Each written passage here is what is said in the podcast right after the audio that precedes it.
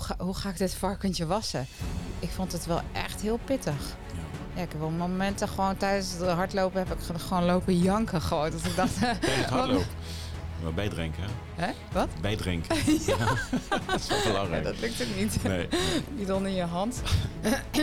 nee, dat ik dacht, eh, hoe ga ik dit doen? Maar elke keer dacht ik, ja, fuck, ik moet hier gewoon doorheen. En dan terugdenken aan het doel, wil ik dit? Dacht ik, oh ja, ja shit, ik wil dit toch. Zullen we, ja, we doorgaan. starten? Ja, laat- let's do it, let's do it, let's do it. Nou goed, ik zeg eh, welkom bij eh, de Six Star Leadership eh, podcast. De cameraatjes die, eh, die draaien als het goed is weer allemaal eh, perfect. Het is de dag na hemelvaart. Ik zeg altijd wel bij mooi weer in Haarlem. Ja, ik vind het prima. Prima joh, Ja, het regent niet. Ja, het, regent, het regent niet. En, ehm nou, vele leuke, leuke podcasts. Abonneer dan ook eventjes op ons kanaal. We gaan dit jaar denk ik richting de duizend subscribers. Dus dat is wel een mijlpaal. En eh, voor iedereen die subscribers hebben een leuke verrassing. Ik weet, ik weet niet wat de verrassing wordt, maar dat komt, eh, dat komt helemaal goed. En eh, we hebben weer een, weer een vrouwelijke gast in de studio. En dat is Agafni van... eh, ja, ik ga het meteen zeggen van Kamp van Koningsbrugge. En dan is het Raf Ja, voor de bekenden eh, Ja. die, die het volgen. Welkom, eh, ik zeg gewoon Raf. Hè? ja Raf is goed. Ja, ja. Waar, Dank- komt, waar komt Raf vandaan, de naam? Hoe is dat ontstaan? Ja, dus mijn eh, naam, ja, je schrijft Agafni. Ja. Je zegt Arafni. Nou, dat is een beetje voor Hollands en dus daardoor Raf. Eh, het is een Armeense naam, dus ik ben half Armeens, half Nederlands. Geboren getogen in Nederland. Ik eh, spreek en versta de taal niet, eh, dus ik ben er niet mee opgegroeid. Maar het zijn de roots, dus ehm, ja, dat, nee, is, eh, dat is mijn eh, achtergrond. Nederlands ja. goed prima. Nederlands Dus dat, eh, heb ik eh, aardig ja, ontwikkeld. Armeens, Armeens, eh, daar heb ik ook niet onder de knie. Dus dat is, nee, eh, dat is fijn. dat is fijn. Nou ja, leuk, dat je, leuk dat je er bent. Dank je. We hebben denk ik contact. Eigenlijk is het het einde van jullie, eh, jullie serie eigenlijk Klopt. dit jaar. Dat was denk ik in maart. ja. Ja. Klopt dat? Maar ja, denk klopt. ik, hè? Ja, ja. Toen had ik natuurlijk Ray in de studio hier. En ja. eh, nou, toen kwamen wij eigenlijk bij elkaar op het net. ja, inderdaad. En eh, eh, toen dacht ik van ja, het is wel heel leuk om. Ik heb natuurlijk Richard eh, Bergmans hier gehad. Eh was toen nog Richard B in die tijd. Mag je zijn naam, eh, naam zeggen. En Ray natuurlijk. Ja. En toen dacht ik van het is ook wel heel erg leuk om nog iemand te hebben wie als kandidaat deelnemer daar. ehm, eh, ja, eigenlijk het ondergaan heeft, noem ik het eventjes. Ja. Van wat, wat speelt er allemaal nog meer? Ja, En toen waren wij met die live-uitzending bezig, volgens mij, van Ray. Die YouTube-première. ja, ja. En toen was je ook heel actief. Ja. je- en toen is het zaadje wel echt geplant, denk ik, toch? Ja, precies. Ja, goed. Ja, ik vond het hartstikke leuk. Ik dacht, nou, dus even, even een heel lastige vraag stellen. Ja. Nee, superleuke uitzending ook. En ik dacht, eh, ik zat zo te kijken naar je podcast en de verschillende mensen ehm, in het lijstje, zeg maar, die naar voren kwamen. Dacht, ja, je hebt wel hele interessante gasten. En eh, Daar pas ik ook dus. daar pas ik ook tussen. Ja, ik las eh, van eh, vooral Defensie natuurlijk. Ja. Of met een militair DNA. Nou, en toen dacht ik, nou, zit gewoon in mij. Ja, ja, ik moet hier gewoon komen. ja. Ja. Nee, maar ik vond het heel leuk, want ja, zoals je zelf ook weet, ik heb nog niet zo heel veel vrouwen in de podcast gehad. En ik dacht meteen, nou, dat is dus twee vliegen in één klap. Precies. En een mooi verhaal. Je bent onderneemster, Ja. dus je bent ook heel actief. Ja, Nou, ja. de, de podcast gaat ook over verbinding tussen defensie en het bedrijfsleven, met name ook het, het ondernemerschap daarin. Nou, mooi. je hebt natuurlijk een mooie achtergrond nu, eh, toch ook wel bij Defensie heb je nou in je bagage meegedraaid. Mhm. En ik denk dat dat eh, dan ook nog eens een keer vanuit een vrouw komt. Dat is dan eh, een, eh, een extra leuke, eh, leuke, hoe noem je dat? Toevoeging, maar dat is Ja. een, doek, een doekje te kort hoor. Dus dat is eh Ja, ja, het is gewoon een leuk verhaal. leuk verhaal. Ja. Ja. Hey, maar wat, wat, wat is wat? Kijk, even, we gaan straks naar Kamp van Koningsbrug. Ik denk Ja. wel dat dat iets is wat eh, voor jou het afgelopen jaren, misschien ook wel waar je nu al mee bezig bent, wel een, eh, ja, een boost is of een aanjager van bepaalde dingen. Of het nou op zakelijk of persoonlijk vlak is. Mhm. Maar wat, wat doe je nog meer op dit moment allemaal? Los van. Ja, dat, dat is wel grappig, want mensen vragen ook momenteel aan mij van... eh, oh, eh, wat ga je nu doen binnen Defensie? En dat ik denk, ik, ja, ik had er gewoon een Ja. leven hoor. Voor maar je Kamp hebt de opleiding afgerond bij Eh, Defensie, heb- want je was finalist. De opleiding, ja. Ja. Dus ik heb de acht dagen volmaakt tot het einde. Dus dat was natuurlijk kicken. Daarna ben ik gewoon heel hard teruggekomen, gewoon weer in mijn werk. En dat is mijn ondernemerschap. Dus ik ben ondernemer. Ik heb twee bedrijven. Eh, mijn core business is eh, organisatie cultuurverandering eh, binnen corporates. En ik heb daarnaast nog een mooi bedrijfje. En dat is een specialty koffiebar Mhm. in het centrum van Amsterdam. Want ik ben gewoon een hele grote koffienerd. Ja. dus, eh, ehm, ehm, en, maar ja, mijn core business is dus werk doen in grote bedrijven. En dat gaat over business transformaties. Ehm, maar ook over zeg maar het, het faciliteren van leiders om tot een optimale wijze zelf te komen. Ehm inspiratiesessies geef ik. Dus het is eigenlijk best wel een heel groot zeg maar, onderdeel van mijn leven. Hoe ik dat doe. Dus ik, ja, ik, ik zeg altijd, ik noem mezelf geen verandermanager. Want eh, ik wil jou helemaal niet veranderen. Nee, nee. weet je? Ik wil je vooral tot inzichten laten komen. Mhm. Eh, dus ik breng mensen vooral in beweging op dat wat de organisatie wil. En ga voornamelijk daar de interactie aan. Om te kijken van, is dat dan het juiste? Ja. Is dat de juiste route? Wat mist er nog in het systeem? Wat moet er nog gebeuren? Ehm, ik zit ook wel vaak op een, zeg maar, een beetje... Nou, ik, ik durf buiten de lijntjes te kleuren.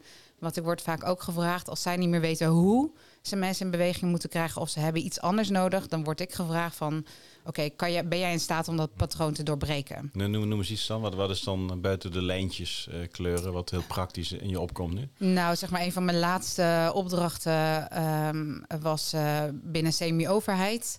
Ehm, ik heb veel gedaan met ehm, ook eh, events als interventie binnen een organisatie of cultuurverandering. Eh, en daarbij had ik het idee, oké, laten we een hackathon organiseren. Want de vraagstukken waren niet te, te min. En je kan er heel, heel lang over blijven lullen. Ehm, maar een vorm daarin is een evenement organiseren. Zet heel veel mensen in een ruimte en laat hun tot briljante oplossingen komen. Hackathon zit vaak ook in de IT-hoek. ja, was dat dit precies. Ja, ja. Ja. en ik kom echt, ik ben een beetje opgegroeid eh, in de IT-kant. Mhm. Ehm, ehm, dus nou ja, daar is het ook uit ontstaan. Ehm, en dan ga je niet echt meer hacken, hè? want vroeger ging je echt hacken om eh, in systemen in te breken. Ja. Eh, en nu is het een vorm van eh, zet mensen bij elkaar. En dat, dat kan je ook, wij hebben het toen innovaton genoemd. Je kan designathon noemen, nou, noem maar iets met ton erachter. Dus daar komt het ook vandaan van hacken Ja. en marathon. Zet die samen in 24 uur of 48 uur kan ook. Dus eigenlijk Ehm. een, een, over een langere periode iets zien te kraken. Ja, In dit geval is het misschien de, de mind van de mensen kraken, zodat de dingen zichtbaar doorbreken. worden. Ja, maar ook eh, echt he- hele diepe, grote organisatievraagstukken. En dan kunnen ze een deel van het vraagstuk bijvoorbeeld aanvliegen. Van nou, we gaan eh, dit bedenken. Binnen 24 uur maken we een eh, werkend prototype. Om vervolgens dan hè, met andere teams daar die battle aan te gaan. Wie heeft het beste idee en wat gaat opgepakt worden door de organisatie.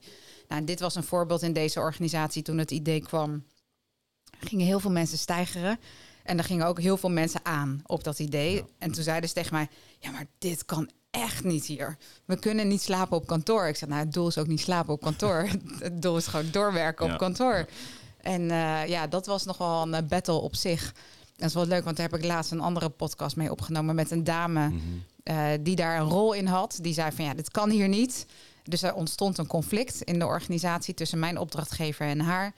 En eh, ik heb tegen mijn opdrachtgever gezegd, nou, stap eruit. Want hij zei, je moet ermee stoppen. Ik zeg, nou, ik ga nergens mee stoppen met goede ideeën. Want dit is wat een patroon gaat doorbreken binnen de organisatie. Van denken dat je het niet kan. Of dat het niet past hier. Ik zeg maar, weet je, als ik kijk naar de mensen in de organisatie... en die daar positief op reageren, die willen het wel. Dus nou, toen ben ik in het conflict gestapt. En eh, met haar eh, zeg maar gekeken van... oké, wat is jouw perspectief? Waar kom jij vandaan? Wat is jouw doel? En wat is mijn doel? Nou, en ik zag al gauw, we hebben gewoon hetzelfde doel. Ja. Alleen we doen het over, zeg maar, op een andere manier. Nou, en daar hebben we elkaar in start het gevonden. dan bij elkaar echt weten wat, wat er bij elkaar in het hoofd zit, hoe dat doel Ja. eruit ziet. Ja, zeker weten. De paarse olifant, weet je wel, dat, dat is dan... Ja, en vaak is het, weet je, als je een conflict hebt, dan, dan mist er gewoon iets. Ehm, en mijn opdrachtgever kon het niet goed uitleggen aan haar, want het was niet zijn idee. Eh, dus ik zei ook van, nou, dat is het probleem. Je krijgt het gewoon niet goed uitgelegd. En dan is het wel echt elkaar weten te vinden van, wat heb jij hier te doen? Wat is jouw taak en wat is jouw rol? En wat kom ik hier doen? Wat is mijn taak en mijn rol? En waarom deze interventie? Nou, ik snap dat er zeg maar strategische doelen zijn in de organisatie. En op dat moment stonden ze echt op een keerpunt van... ja, maar we willen geen losse vlodders in de organisatie. En zei ik, nou, dit is niet een losse vlodder. Nou, dit is wie ik ben, weet je. Dit is waar ik vandaan kom. Dit is alles wat ik doe. En ik zeg, ik hoor en zie wat de nieuwe stra- strategie is. Want daar heb ik mijn onderzoek al naar gedaan. En dit is wa- waarom het erin past. En soms is verandering van binnenuit juist heel goed en sterk. Ik zeg, en dit, eh, deze interventie gaat jou helpen in, jou, in het verhaal wat jij straks naar buiten gaat brengen. En dat is zeg maar, dat is ook mijn kracht. Weet je, ik kan die tien stappen vooruit denken voor mijn opdrachtgever. Want ik doe niet iets, zeg maar, om alleen maar rebelsheid in het systeem te zetten. Ik, zeg maar, mijn rebelsheid is om dingen te doorbreken ten goede van het bedrijf. Ja. Niet andersom, weet Ja. je. Ik ben daar niet eh, om dingen kapot te maken. Ja. En nee, dit dat was herken, dus... ik, herken ik natuurlijk. Want wat, even wat, wat ik zelf ook bij bedrijven eh, probeer tot stand te brengen, zeg maar. Maar komt, komt dan verandering niet altijd van binnenuit? Uiteindelijk? Als je naar terug, helemaal terug gaat naar het individu? Mijn, ehm, ja, wat ik heb meegemaakt in ehm, mijn werk, ja, wel vaak. Mhm. Ja, want kijk, het zijn ook, ja, weet je, en het is een beetje hoe je kijkt, hè, vanuit ook welk perspectief Ja. of eh, welke laag. Maar het zijn toch vaak de mensen in de organisatie die die verandering moeten zijn. Ja. Ehm, en juist zeg maar, daar, daar zit heel veel potentie. En als zij goede ideeën hebben, waarom zou je niet die eigenaarschap daar willen neerleggen, zodat zij dat kunnen gaan doen? Ja. Maar dat betekent wat in houding, gedrag en mindset ook van het leiderschap. Van in hoeverre, in hoeverre laat je dat ook gaan en kan je daarin loslaten? Nou, wat we vaak nog zien is dat leiders nog heel erg bezig zijn met, eh, ja, wat gaan we dan doen? Of eh, zelf bedenken hoe het, hoe het moet gebeuren. Terwijl eigenlijk als leider wil je natuurlijk een visie neerzetten. eh, wel kaders geven waar je mensen binnen kunnen bewegen. Nou, laat hen dan die goede, mooie ideeën ontplooien en neerzetten. Eh, inclusief eh, potentie tot falen. Ja. Ja, Inderdaad, en de, en de omgang, hoe, hoe dan zeg maar de, de groep mensen waar het om gaat, omgaat met die kaders, geeft weer heel veel inzicht natuurlijk van waar je als leider dan eventueel kunt gaan sturen. ja, ja. Maar dit, dit soort voorbeelden, is dat, is dat eh, voor of na jouw tijd bij Kamp van Koningsbrugge? Allemaal voor. Ja, Allemaal voor je tijd? ja. ja. En, ja. en als je nou naar dat traject van Kamp van Koningsbrugge kijkt, de motivatie waarom je meedoet, ik trek even heel even terugkomen. Maar, ja. ehm, neem je daarna ook mee dingen, dingen mee wie je nou in een dergelijk traject zou gaan inzetten? Ja. ja, ik heb best wel veel eh, learnings uit eh, KVK gehaald. Ehm, en die ik ook direct daarna, zeg maar, een project waar ik daarna terugkwam, daarin eh, heb verwerkt. Ehm, dus ja, ik, ik zal gelijk een eh, voorbeeld Mhm. geven. Bijvoorbeeld, ik kwam terug ehm, en er was een beetje shit in mijn team. En toen, eh, ik had mezelf echt voorgenomen, nee, ik ga echt drie weken rust houden. Ik ga niks doen, ik ga niet werken, ik ga niet sporten. Dat is het team Eh, van Hardcore, jouw bedrijf. Eh, nee, bij mijn opdrachtgever. Oké, daar. ja, ja. En ehm, toen werd ik opgebeld, ja, de shit in het team. Ja, oké, nou, nou, dit en dit en dit kan je doen. Ik had iemand aangesteld als opvolgend leider. En, en nou, ze, ze, ze luisterde niet helemaal naar haar. Ik zei, nou, doe dit of dat. Nou, zij proberen, ja, werkt niet. Ja, je moet echt terugkomen, want eh, weet je, het werkt gewoon nu niet. We hebben te, te grote meningsverschillen. Nou, en toen eh, heb ik een call georganiseerd. Dus wel uiteraard, eh, nou toen nog vanuit huis. Want ik was nog niet echt in staat om ergens heen te rijden. Ehm, en, spierpijn. Ja, joh, ik heb echt heel lang met mijn benen omhoog gelegen. dat komt zo wel. En eh, ja, toen moest ik wel optreden op een andere manier. En wat ik daar gewoon eh, dacht, is terugdenkend aan Kamp van Koningsbrugge... is zo'n manier hoe bijvoorbeeld Ray heel vlijmscherp iets kan zeggen... maar met zeg maar de juiste intentie. Hè, om, ja, je zegt het alleen maar zo omdat je weet hè, dat dat iets gaat bereiken. En eigenlijk ook omdat je gelijk hebt. Ehm, maar op zo'n manier, hoe reden doet, ja, dat zit gewoon niet in mij. Ik ben niet super hard. Ik ben wel van zeggen waar het op staat. Ehm, maar hier dacht ik wel echt van, ja, hier moet ik op een andere manier optreden. Om één, alle neuzen dezelfde kant op te krijgen. En om iedereen even te herinneren, wat is onze taak? En hoe staan we hier als team? Nou, één team, één taak. Dat heb ik daar geroepen. En ik zeg, ik wil gewoon geen gezeik in het team. Want waar men mee bezig was, was zeg maar de onzekerheid rondom de hele pandemie en zo. Ik zeg maar, zolang er nog niks zeg maar, in het nieuws is gekomen, want dat de feiten anders zijn. Ik zeg, wil ik geen gezeik. Ik zeg, en dan wil ik gewoon dat we er gewoon doorwerken op het plan wat we hadden. We willen onze akkoord vragen aan die directeur. Ik zeg, en dan is dat ons doel. En nou, dat heb ik echt veel harder en strakker gezegd. Hè? Nou, ik was gewoon recht door zee. Van dit is wat we te doen hebben. En ehm, ja, eh, let's go forward. En als je, als je dat niet zint, dan moet je het nu zeggen. Dan stap je in of stap je uit. Ja. Dat is wat het is. Ja. En, En, dat zou je eh, voorheen niet op die manier gedaan hebben. Nee, zou ik Nee. veel meer, zeg maar... ehm, ja, zou ik het veel ja, ehm, zachter aanpakken of zo? Mhm. Ja, het is misschien een beetje aan de ander of het nou hard of zacht is. Maar ik merkte daarin een verschil dat ik dacht, ja, ik moet er gewoon nu even gewoon heel vlijmscherp in gaan zitten. Want ik wil die go krijgen om door te gaan en ik wil gewoon niet uitstellen. Hm. Want er zijn duizend redenen waarom je kan uitstellen. En ik, en dat is dus dan denk ik dus terug aan mijn doel, mijn opdracht die ik heb gekregen. Ik wil hier een patroon doorbreken. Als we gaan wachten en we ha- hangen iets over, zeg maar, over het jaar heen, gaat gewoon niet meer gebeuren. En dan weer terugdenkend aan. En dat is dus al die balletjes in mijn hoofd. Ik denk, oké, de organisatie heeft een heel groot vraagstuk. En die moet je willen oplossen. Daar moet je niet mee willen wachten. Dus voel je de pijn. En dat is dus wat mensen dan vergeten. En als ik een opdracht krijg, dan ja, ik voel de pijn wel. Want ik denk, ik wil dat hier zo snel mogelijk eh, realiseren voor mijn, voor mijn eh, klant. Dan ga ik niet zitten wachten. Nee. Dus ja, wat hebben wij dan als team daarin te doen? En niet lopen muggensiften, niet lopen zeiken van onzekerheid, dit, dat, zus of zo, of te groot risico. En ik, dat is aan die mij. die pijn is dan wel binnen dat, binnen dat team wat het moet gaan, gaan realiseren, is wel verschillend dan. Precies, ja, Ja. Dus daar moest ik ze weer aan herinneren. Van, weet je, wel, uitstellen doen we niet. Dat is niet hardcore. Dat is niet waar ik voor sta. Ehm, en dat is dus het verschil. Dus, ehm, en, en dat is ook als ik met mensen werk. Heb je de hardcore attitude en mindset? eh, doorgaan waar anderen stoppen. Ehm, en dus die randjes opzoeken van, oh ja, dat is wel echt een groot risico. Maar als ik erin geloof, dan kan ik mijn eh, zeg maar opdrachtgever of een bepaalde directeur ook met heel veel zekerheid eh, zeggen van, ik geloof je. We gaan dit gewoon regelen Ja. als team. Nou ja, en dan heb ik dus mijn team daar zo eh, te kneden, hè, dat zij er ook in gaan geloven. Nou, dat was wel een pittig moment. Nou, dat kreeg ik ook wel terug hoor. Dat het pittig was. Ja. En, eh, maar ik kreeg ook terug van dit was wel even nodig. Ja. Om iedereen scherp te stellen. Maar hoezo kreeg je terug dat het voor hen ook pittig was? Of dat, ja, hoe, dat, ik daarin, zo- hoe, hoe ik daar heb opgetreden. Ja, dus er was ook iemand was wel emotioneel. jou, was het voor jou persoonlijk eh, ja ik vond ja, ook en spannend ook. en, en eh, out of the comfort? ja, Ja. ook. Ja, want ik, dat, wat ik zei, dat, dat doe ik dus niet zo gauw op zo'n manier. Nee. Ehm, en ja, de reden is, ik ben toch vaak te lief nog. Ja, en ik heb hierdoor Ja. ervaren dat, eh, dat dit wel werkt. Ja. En zeker als eh, shit hits the fan, dan is het soms gewoon heel hard nodig. Met doorgaan waar anderen stoppen. Ja, Is dat, is, dat is jouw motto? Ja nou, het zit wel in mij. Is dat, is, is, maar is dat, is dat nieuw nu sinds kamp? had je altijd dat zat, al? zat er al Dat in. stond ook al op gewoon doorgaan waar anderen stoppen. Dat was altijd ja, al. ja, dat, dat, ja dat, dat zit in mij. Ja. En dat moet er op zo hè, in deze reis of avontuur maar uitkomen dat het ook daar gaat gebeuren.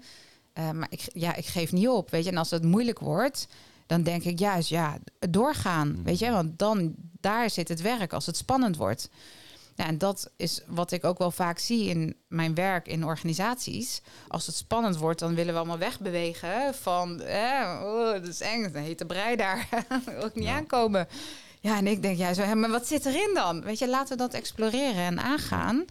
Want daar zit de kracht, daar zit die verandering. Van als dat spannend wordt. Dus daarom, even terug naar het begin... ben ik in dat conflict gestapt van mijn opdrachtgever en die andere directeur. Dat ik dacht, ja, stap jij er lekker uit, stap ik er wel in. Weet je, want ik heb hier een doel te halen. En dat is voor die organisatie. Dat is niet voor mij. Weet je, het gaat niet over mij. Het gaat over hier de juiste dingen doen voor die organisatie. En dan mensen zover krijgen. Dus dat heeft te maken met hoe leg ik het uit? En hoe krijg ik het uitgelegd?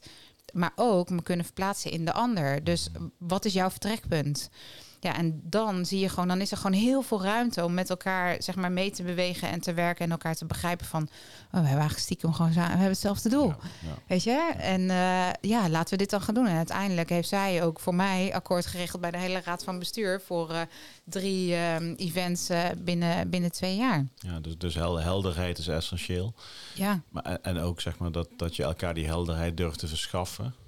En, en dat je het niet bij de verkeerde mensen gaat beleggen. Ja. Dus dat, dat, dat, precies, ja. kan jij het goed uitleggen? En ik denk dat dat is vaak toch wel in essentie, zeg maar ook de problematiek. Mhm. Eh, is net zoals als je een nieuwe strategie hebt. Ja, hoe communiceer je dat? Ehm, en hoe, hoe leg je dat uit naar je mensen? Maar voordat je dat zelf gaat bedenken, denk ik dat eh, de kracht in deze tijd is dus juist om de interactie op te zoeken in je organisatie.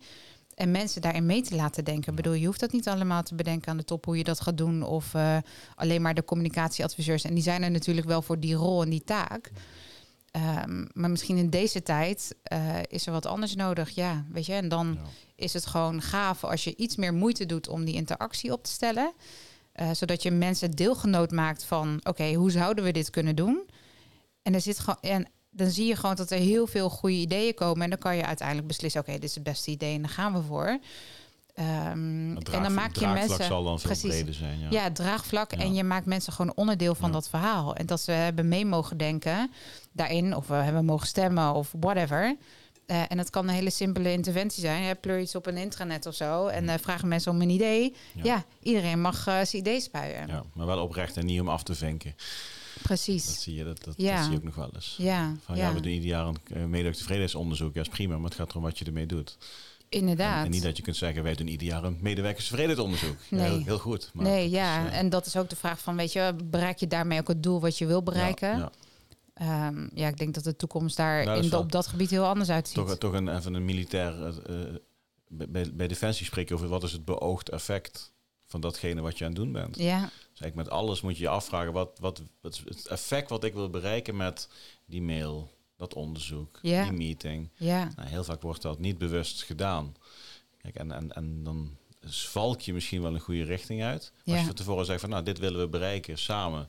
En je haalt dat. ja, Ja, dan kun je ook samen succesvol en tevreden zijn. Dan kun je de volgende piketbouw in de grond duwen. ja, ja. Dus ja. maar, maar dit gaat over hardcore. Eh. Hummingbird is de koffie. Ja. Waar, waar ben jij, waar, is het voor jou begonnen als onderneemster? Is dat eh, bij de hardcore of is het bij de Hummingbird? Bij hardcore. Bij hardcore. Ja, nou, grappig dat ik dat. zeker? Ja, ik zit even na te denken. Ja, mijn. ehm, eh, moet ik, nee, dat is eigenlijk, dat is eigenlijk gelogen. nee, ik zit terug te Ik denken. heb, een want, leugenmeter, ehm, ik heb een leugenmeter ja? dus ik zie hem uitslaan. Nee, ik zit te denken, want eh, ik ben voor mezelf begonnen toen ik 29 was. Want ik was toen eh, consultant en ik ehm, zat in een consultancy systeem. En ik moest hun route lopen en in hun hokje passen. En eh, error, weet je. Ja. Ik, ik- dat paste gewoon niet. Dus ik dacht, wegwezen hier. Toen ben ik voor mezelf begonnen. Ehm, dus dat is nu tien jaar geleden, tien en half jaar. Ehm, maar daarvoor eigenlijk al, rond mijn, moet ik even terugdenken, ik denk ergens rond mijn 24ste begon mijn eh, vriend eh, eh, met ondernemen in de koffie. Hmm. Dus dat, eigenlijk was dat eerder. Dus ik heb hem altijd geholpen in het opzetten van zijn bedrijven. Ik heb er vroeger ook in gestaan. Eh, nou, zelfs, ik bedoel, ik werkte gewoon fulltime. Ik deed een deeltijdstudie en ik stond in het weekend in zijn zaak. En dat was toen in de kredietcrisis Ja. tijd. Dus het was een pittige tijd. Met je 2010 of zo rond die tijd? Ja, Ja. ja. En um, um, dus hij is eigenlijk daarin begonnen. Um, en ja, ik heb daar zeg maar, ik ben nooit mede-eigenaar geweest van uh, zijn bedrijven, maar ik heb er altijd uh, in gespo gesport. Nou, uiteindelijk zelf de stap gemaakt uh, naar mijn eigen ondernemerschap, ZZP'er begonnen. En een paar jaar later heb ik hardcore opgericht. Nou, toen heb ik ook mensen in loondienst genomen. En zijn voorlaatste bedrijf, ook een koffiebedrijf, dus uh, dat was eerst, uh, we zijn gestart in Amersfoort. En daar komen we allebei vandaan. Op een gegeven moment naar Amsterdam verhuisd. Um, en toen uh, is hij daar nog gaan doen, want in Amersfoort was niet helemaal goed afgerond, al net niet failliet, zeg maar. Um, en toen had hij zoiets van, ja, weet je, ik heb het toch altijd wel goed gezien. Ik wil het nog één keer neerzetten, bewijzen dat, dat ik het wel goed zag en dat het gewoon echt wel kan werken. Nou, dat was een hele succesvolle zaak. Heeft hij na een paar jaar weer verkocht. Um, en toen, toen hij dat had verkocht, was helemaal zijn zaak. Ik had er wel in geïnvesteerd. Maar ik zei, moet jij weten? Maar toen kwam ik erachter, oh, ik mis het. En ik dacht, ja, ik mis gewoon die plek. Dat je zelf je, kan bepalen. Je miste zijn plek. Ik miste zijn wat, plek. wat ja, een beetje was. onze plek, ja. zeg maar. Maar het was volledig zijn ja, bedrijf. Zijn, zijn businesskeuze nam een stukje bij jou weg in principe. Ja, ja, en ik dacht, ja, ik mis dit gewoon. Eén, sowieso dat dat plekje van jou is. Maar dat jij kan bepalen wat goede koffie is. En, en ik kon het dan niet meer vinden in de binnenstad van Amsterdam. Dus ik, toen uh, waren we op een gegeven moment in New York. En uh, toen hebben we daar besloten van... oké, okay, uh, wat gaan we de rest van ons leven doen? Een beetje dat soort gesprekken. Ja. En uh, toen zei ik wel van... ja, weet je, ik mis die koffiebar gewoon. En helemaal oké, okay, dat is jouw beslissing. Ik denk dat je het niet had moeten doen. Achteraf, hè. Maar wij het achteraf. Ik zeg dus, als we ooit de kans krijgen... dan zou ik dat toch nog graag willen doen. Maar dan echt samen. Ja. Nou, die kans kregen we, kwamen terug. Hij vond een pandje... Um, en er was zelfs een pandje waar ik ooit een foto van heb gemaakt. Uh, was in de Spuistraat. Dat was de graffiti-straat van uh, Amsterdam. Eh, en daar heb ik een foto van, ook nog in mijn telefoon, eh, van die hoek. En daar staat het vrijheidsbeeld op. Dus dat was de verbinding, zeg maar, met Andy in New York hebben we dat bedacht. Hij vond een pandje, 200 wachtende voor ons. We moesten een pitch schrijven. Nou, dat is mijn werk. Ja. En eh, gewonnen. En eh, toen eh, konden we daarin eh, starten. Dat is nu eh, drie jaar geleden. Ja. En eh, dus ik heb langer in corona gezeten dan niet. Dus Ja. dat was een uitdaging. Maar daar is zeg maar mijn eigen ondernemerschap in de koffie begonnen. Dus eigenlijk wel eerder. Dus ik heb er eerst een beetje aan kunnen ruiken en proeven.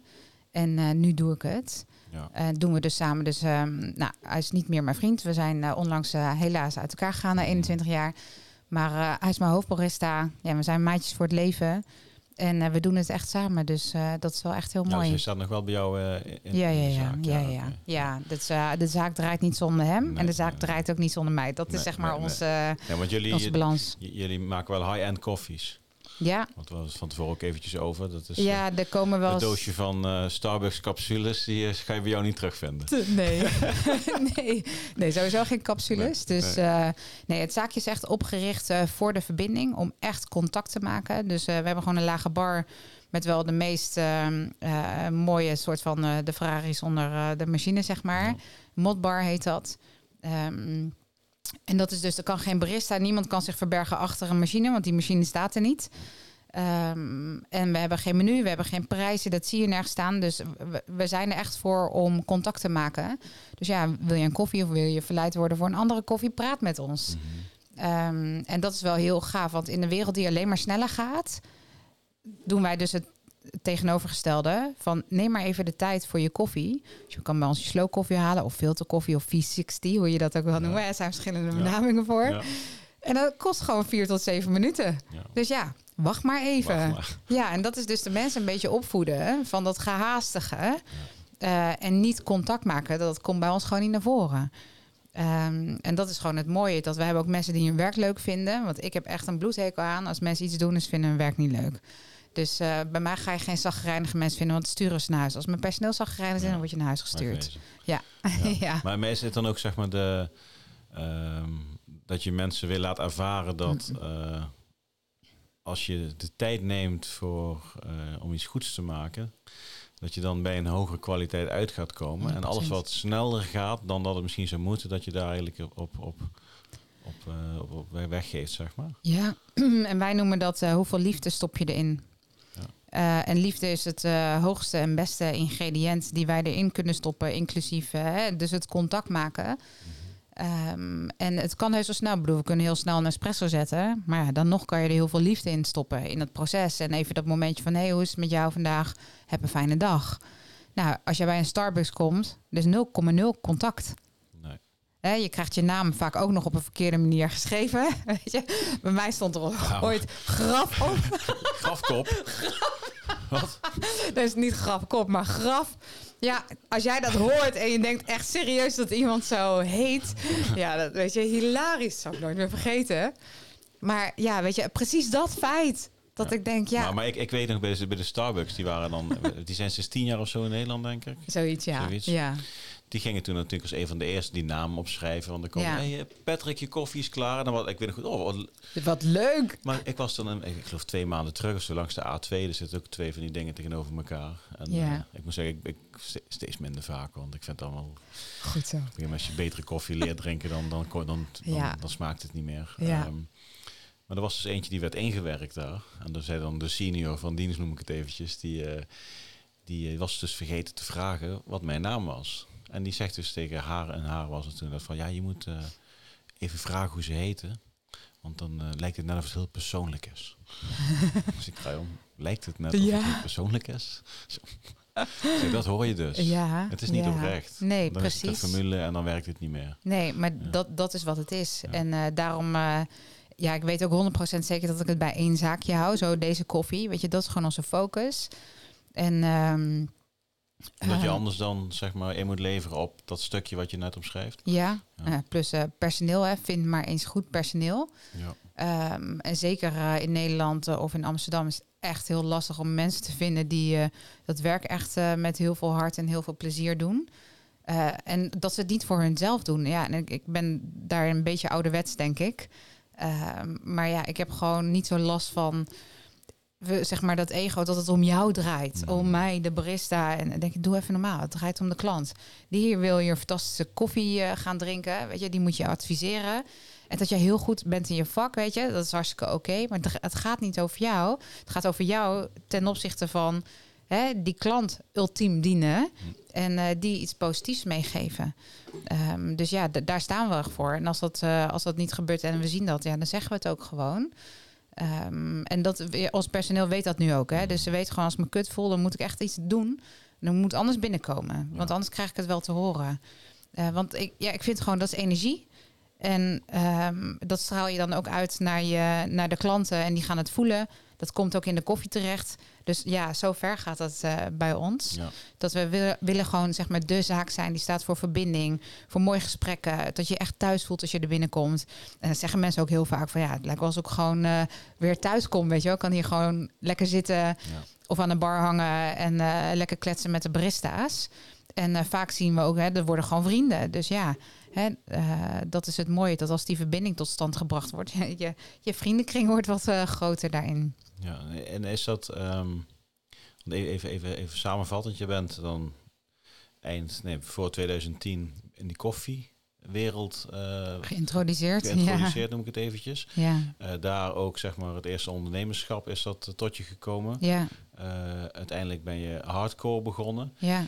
Is dat versterkend aan elkaar? Want, want, want, je, hoe want ik, ja, een vriendje van me ook van uit Afghanistan, die, die is de Bean Brothers begonnen, net Ja. in 2008 volgens mij. Mhm. Ehm, die heeft nou de koffiebranderij in Eindhoven. En, en Mhm. op de Kleine Bergen. Een heel, heel mooi winkel. Doet hij zelf branden. En dan gaat hij ook naar die landen toe. En wat mij opvalt is mensen die met koffie bezig zijn. Ja, Dat zijn hele verbindende types. ja, ja. Eh, ik denk als je naar een beurs gaat met alleen maar koffieliefhebbers. Ik denk dat je dan helemaal zen terugkomt of zo. Omdat die Ja. heel erg heel bewust bezig zijn met wat de natuur Nou, ze en te je komt ook caffeinated terug. als wat? Caffeinated. Dus er zit zoveel ja, nee, cafeïne ja, in moet, je ja, je lichaam. natuurlijk. Ja, maar ja, een koffie die drinkt, die slikt wel door. Wijn, en wijn, eh, hoe noem je dat? Sommelier niet. Ja, nee, maar nee, dus de koffietastings. Dus je kan eh, dan, dan tuf je het uit. Eh, want dan heb je wel echt eh, tien koffies op een rij hoor. Dus dan Ja. ga je echt verschillende bonen, zeg maar. eh.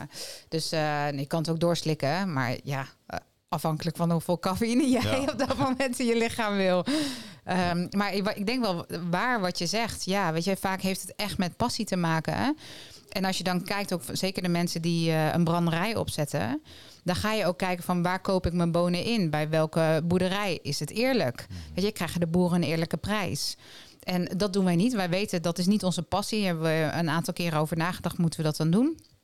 Nog lang voordat we deze zaak gingen opzetten. Maar dat is niet onze passie. Dat is gewoon echt, echt een heel ander vak. Eh, dus wat wij doen, wij cureren eh, brands van over de hele wereld. Eh, en die checken we dus echt van boon tot echt brand. Hè? Dus wat er uiteindelijk eh, ook het hele pakje gedesigned en hoe is het sustainable? Wat zijn de mensen achter de brand? Nou, dan eh, laten we het komen. Nou, we hebben gewoon een wachtrij aan brands die bij ons op de plank willen. Ehm, en dan laten we onze mensen, zeg maar onze klanten, laten we testen. Zowel blind als niet blind. En dan vragen we, wat vinden jullie ervan?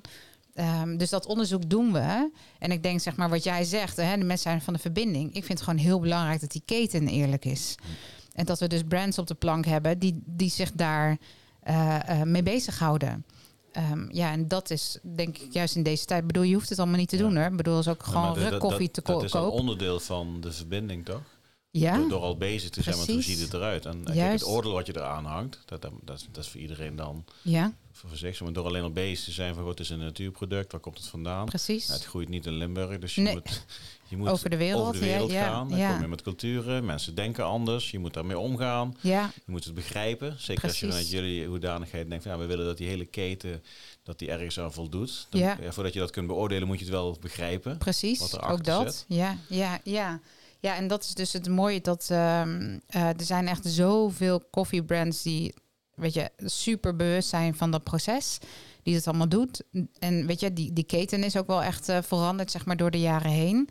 Eh, dus ja, dat is gewoon een hele gave ontwikkeling. Dat je gewoon weet dat als ik nu die koffie inkoop, of het komt bij die inkoper vandaan, weet je, en die brand werkt met die inkoper, dan zit het gewoon goed. Weet je, daar hoef je dan ge- geen zorgen over te maken. Ehm, maar je ziet ook wel eens de andere kant op hoor. Als bijvoorbeeld eh, bepaalde koffiebranders eh, succesvol zijn en ze doen veel omzet. eh, dat ze dan slechter gaan inkopen om meer marge te doen, bijvoorbeeld. Dat is de verkeerde ontwikkeling. Weet je, dan denk ik, ja, waarom doe je dat dan? Alleen maar om meer geld te verdienen? Dan zou je juist kunnen zeggen, is er niet een andere mogelijkheid om, om geld te verdienen? Maar niet om dan zeg maar een, een slechter product in te gaan kopen. Dus uiteindelijk, is alleen maar korte termijn handelen. Je, aan de achterkant, of eh, straks komt het weer terug door minder klandizie of mensen gaan klagen. Of ja, dus ehm, en da dat zijn gewoon keuzes die mensen maken. En ehm, ja, en wij doen niet af van een bepaalde level van kwaliteit. Dus eh, als het zeg maar de, de verpakking, als het niet goed is of het is gewoon vet lelijk. En het past niet onze zaak. Zo simpel is het wel. Want tegenwoordig kopen mensen ook op uiterlijk.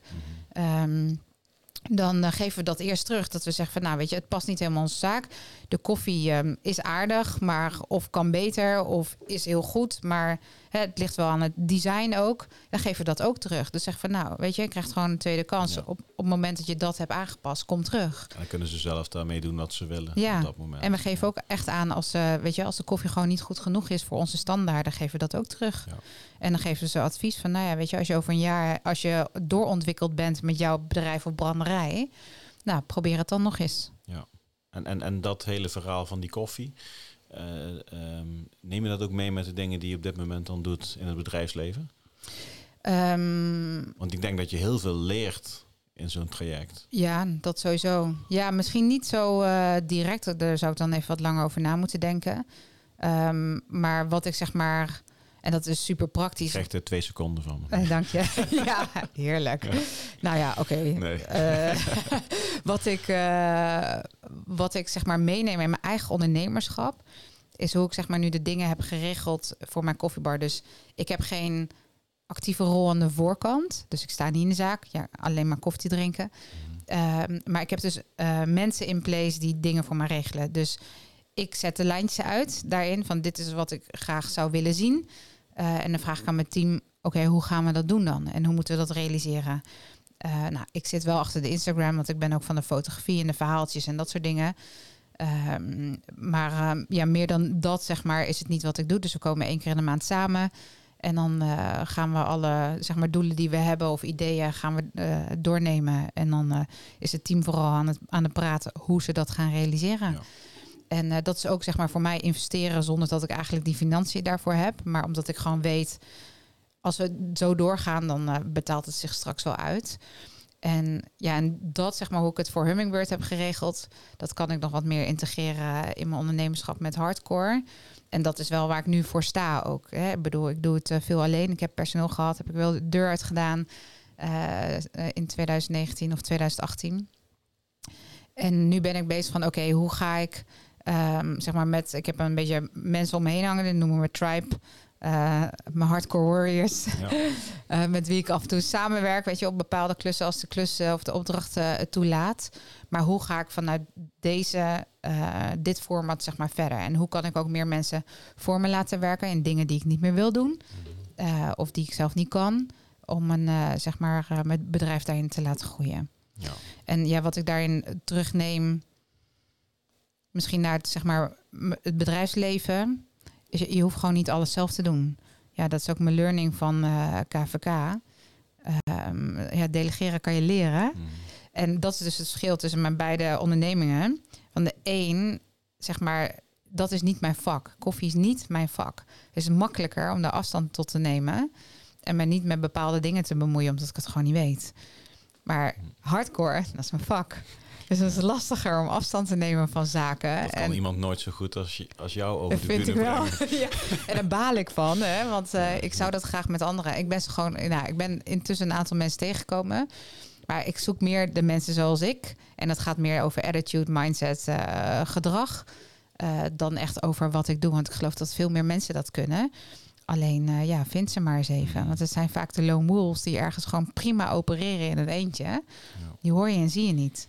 Oh. Ja, Maar eh, en, en we hadden straks ook even over ehm, eh, de MBIT. ja. Ehm leuk dat je het zo zegt. Nou, Klinkt wel heel tof als je dat zo zegt. ja, Ja. ik ga het ook zo noemen. Klinkt een beetje als een Amerikaanse DJ nou. De MBIT is on air. Maar je, je schrijft op jouw website eh, over jezelf. En dat is wel heel mooi.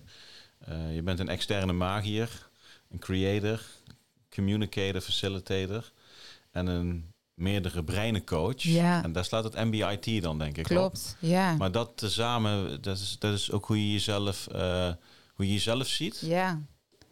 Ja, ja, Ja? zo zie ik me wel. Nee, neem eens mee dan, want ik vind het heel mooi omschreven. En Ja. Het, het daagt mij uit van, goh, vertel eens externe Ja. magier. Weet je wel, dat ja. ja, en dat is dus... eh, mensen vragen wel eens, hoe doe je dat allemaal? Kijk, want, want dit kun je dus niet... Ja, hoe kan iemand anders dat voor jou doen? Bij spreken eh, binnen Ja, het bedrijf. Het gaat over mens zijn, hè? Ja, wat Ja. voor mens ben je? Ja, en dat is misschien ook niet... eh, nou ja...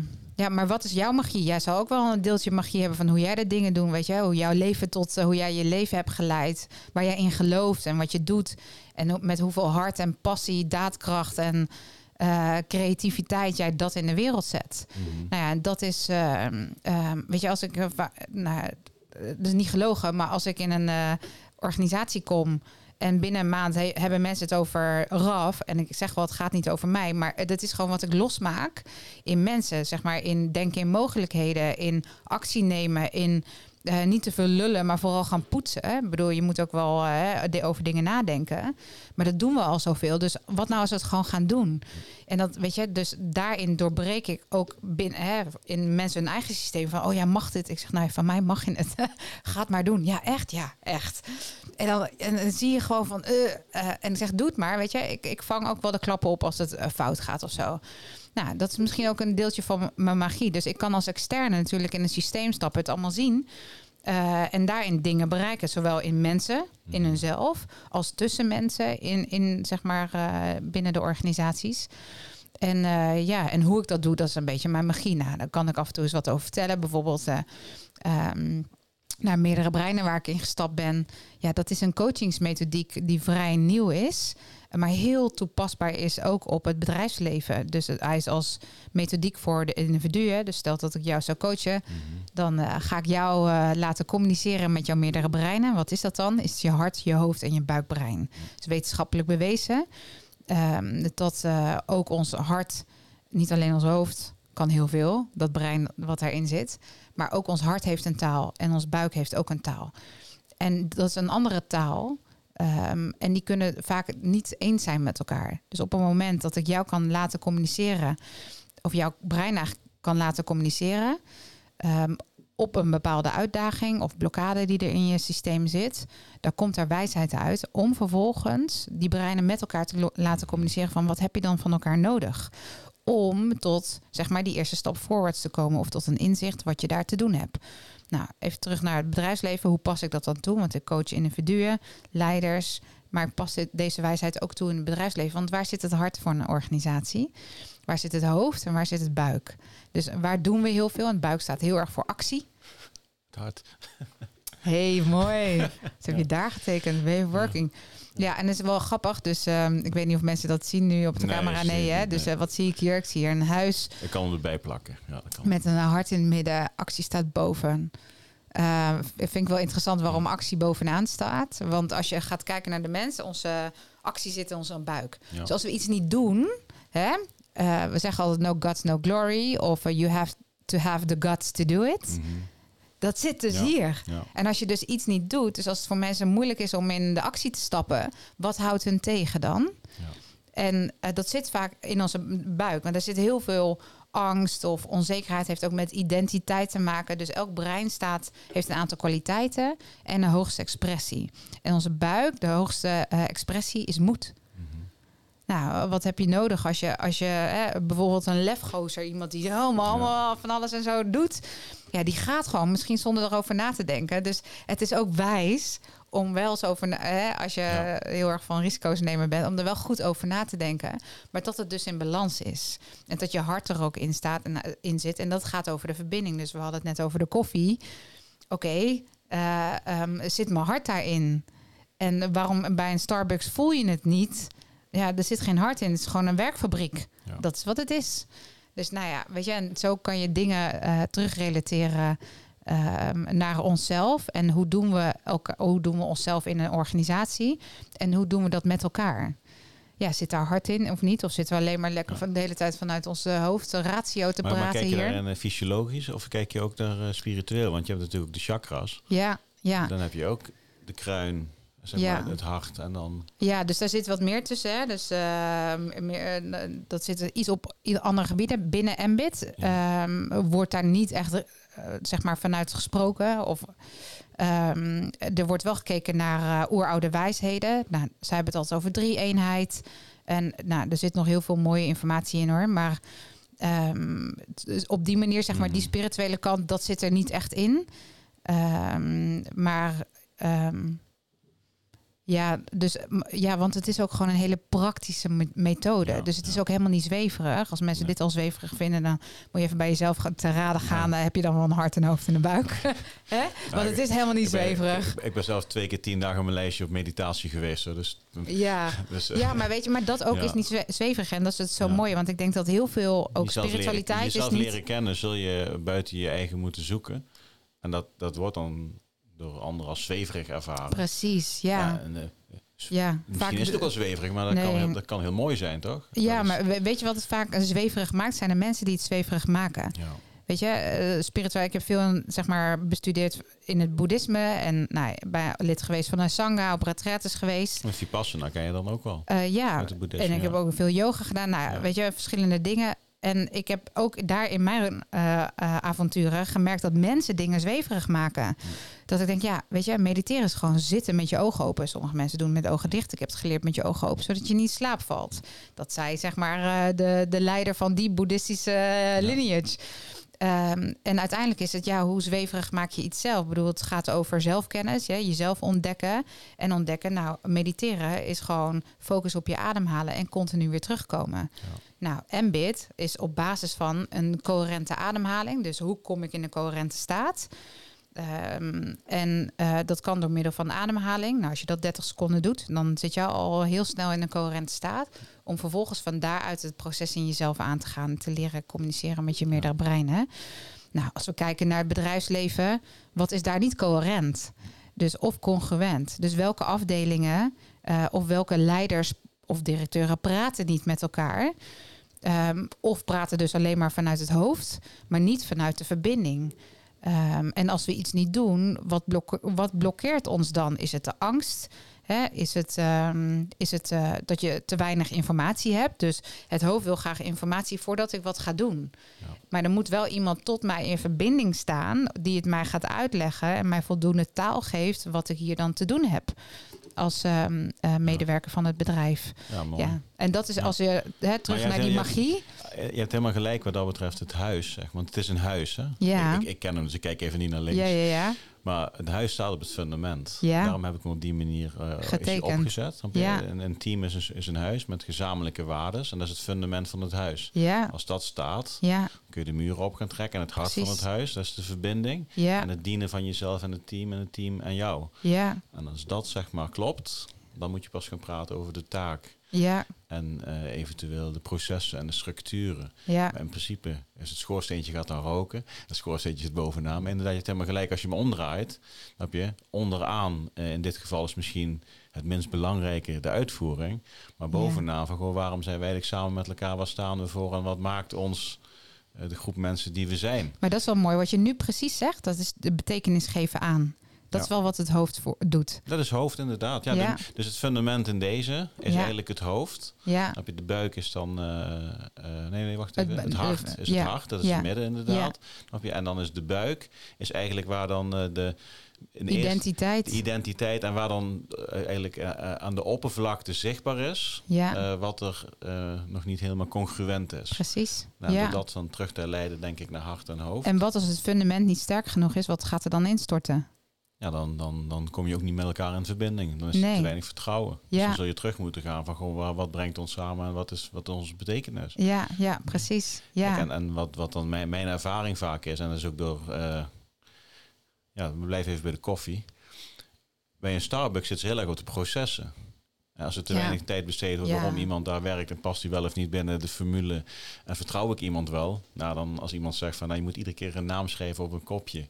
Ja, die denkt van ja, daar heb je hem ook weer. ja, Dus dat proces klopt gewoon niet. Maar Nee. bedrijven die heel bewust bezig zijn met het in verbinding staan met elkaar, heel goed weten welk poppetje wel of niet past Ja, binnen dit team. ja, Zonder dat er een oordeel aan hangt. Maar ja, als iets niet past, Ja. dan, dan moet je het misschien niet doen. Als precies. dat gewoon op een hoger niveau zet, dan zul je eerder met elkaar eh, in verbinding komen. Ja, En dus een betere dienst afleveren. Dat is uiteindelijk ook het doel. ja, ja, inderdaad. Ja, en dus daarin de interactie opzoeken. Want ehm, dus wat, wat doe ik daarin? Nou, Ik faciliteer jouw proces. Ja. Dus dat doe ik ook binnen organisaties. Ik faciliteer hun proces. Dus ik laat mensen met elkaar interacteren.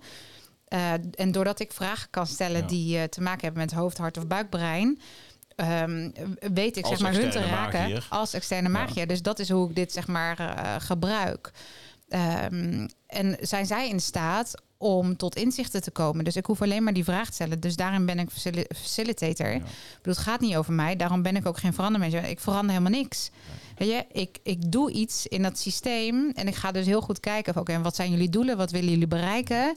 En wat heb ik daar? Wat kan ik daarin betekenen voor jullie proces? Ja, een verandering dat is. Maar dat gebeurt. Ja, ja. ik kan niet zeggen Het is dat is mijn succes. Nee, weet je, ik kan sowieso niet zeggen of iets wat ik doe dat het mijn succes is. Uiteindelijk doen jullie het.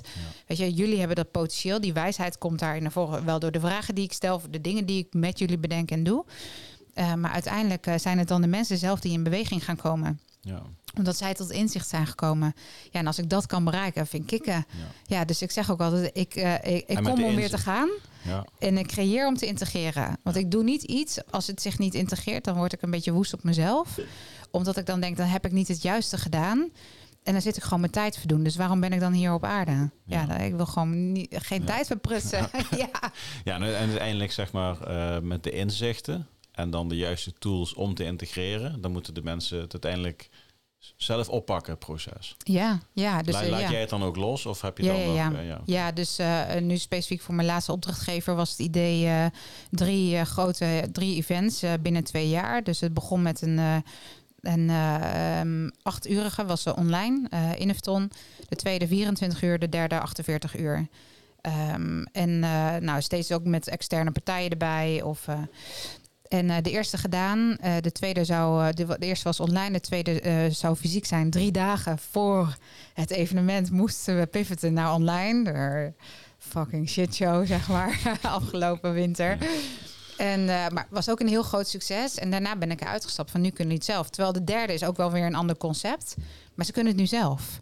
En als ze me nodig hebben, dan, dan nou ja, kunnen ze te raden gaan bij me. Maar ik ga niet meer in zo'n actieve rol. Want ik vind dat ze het zelf moeten doen. Ze hebben het nu twee keer gezien, ze hebben meegedraaid. Daar zijn zeg maar zelf onderdeel van die verandering geweest. Dus ja, nu staan jullie. Want als ik daarin blijf, dan stort Ja. het wel in. Want dan gaan ze te veel hangen op mij. Daar geloof ik niet meer in. Dat heb Ja. ik veel gedaan hoor. Dan word je onderdeel van.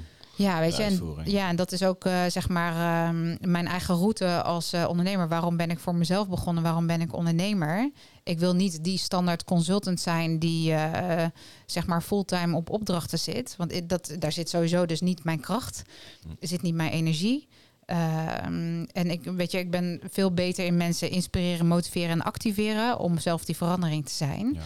En ik wil niet dat ze op mij leunen. Dus bin daar dan net, heb dat gedaan, heb dat ervaren. Daar ging ook een beetje mijn vuurtje van dover. Dat ik dacht, ja, wat doe ik nou hier? Weet je, ben ik nou hier in loondienst?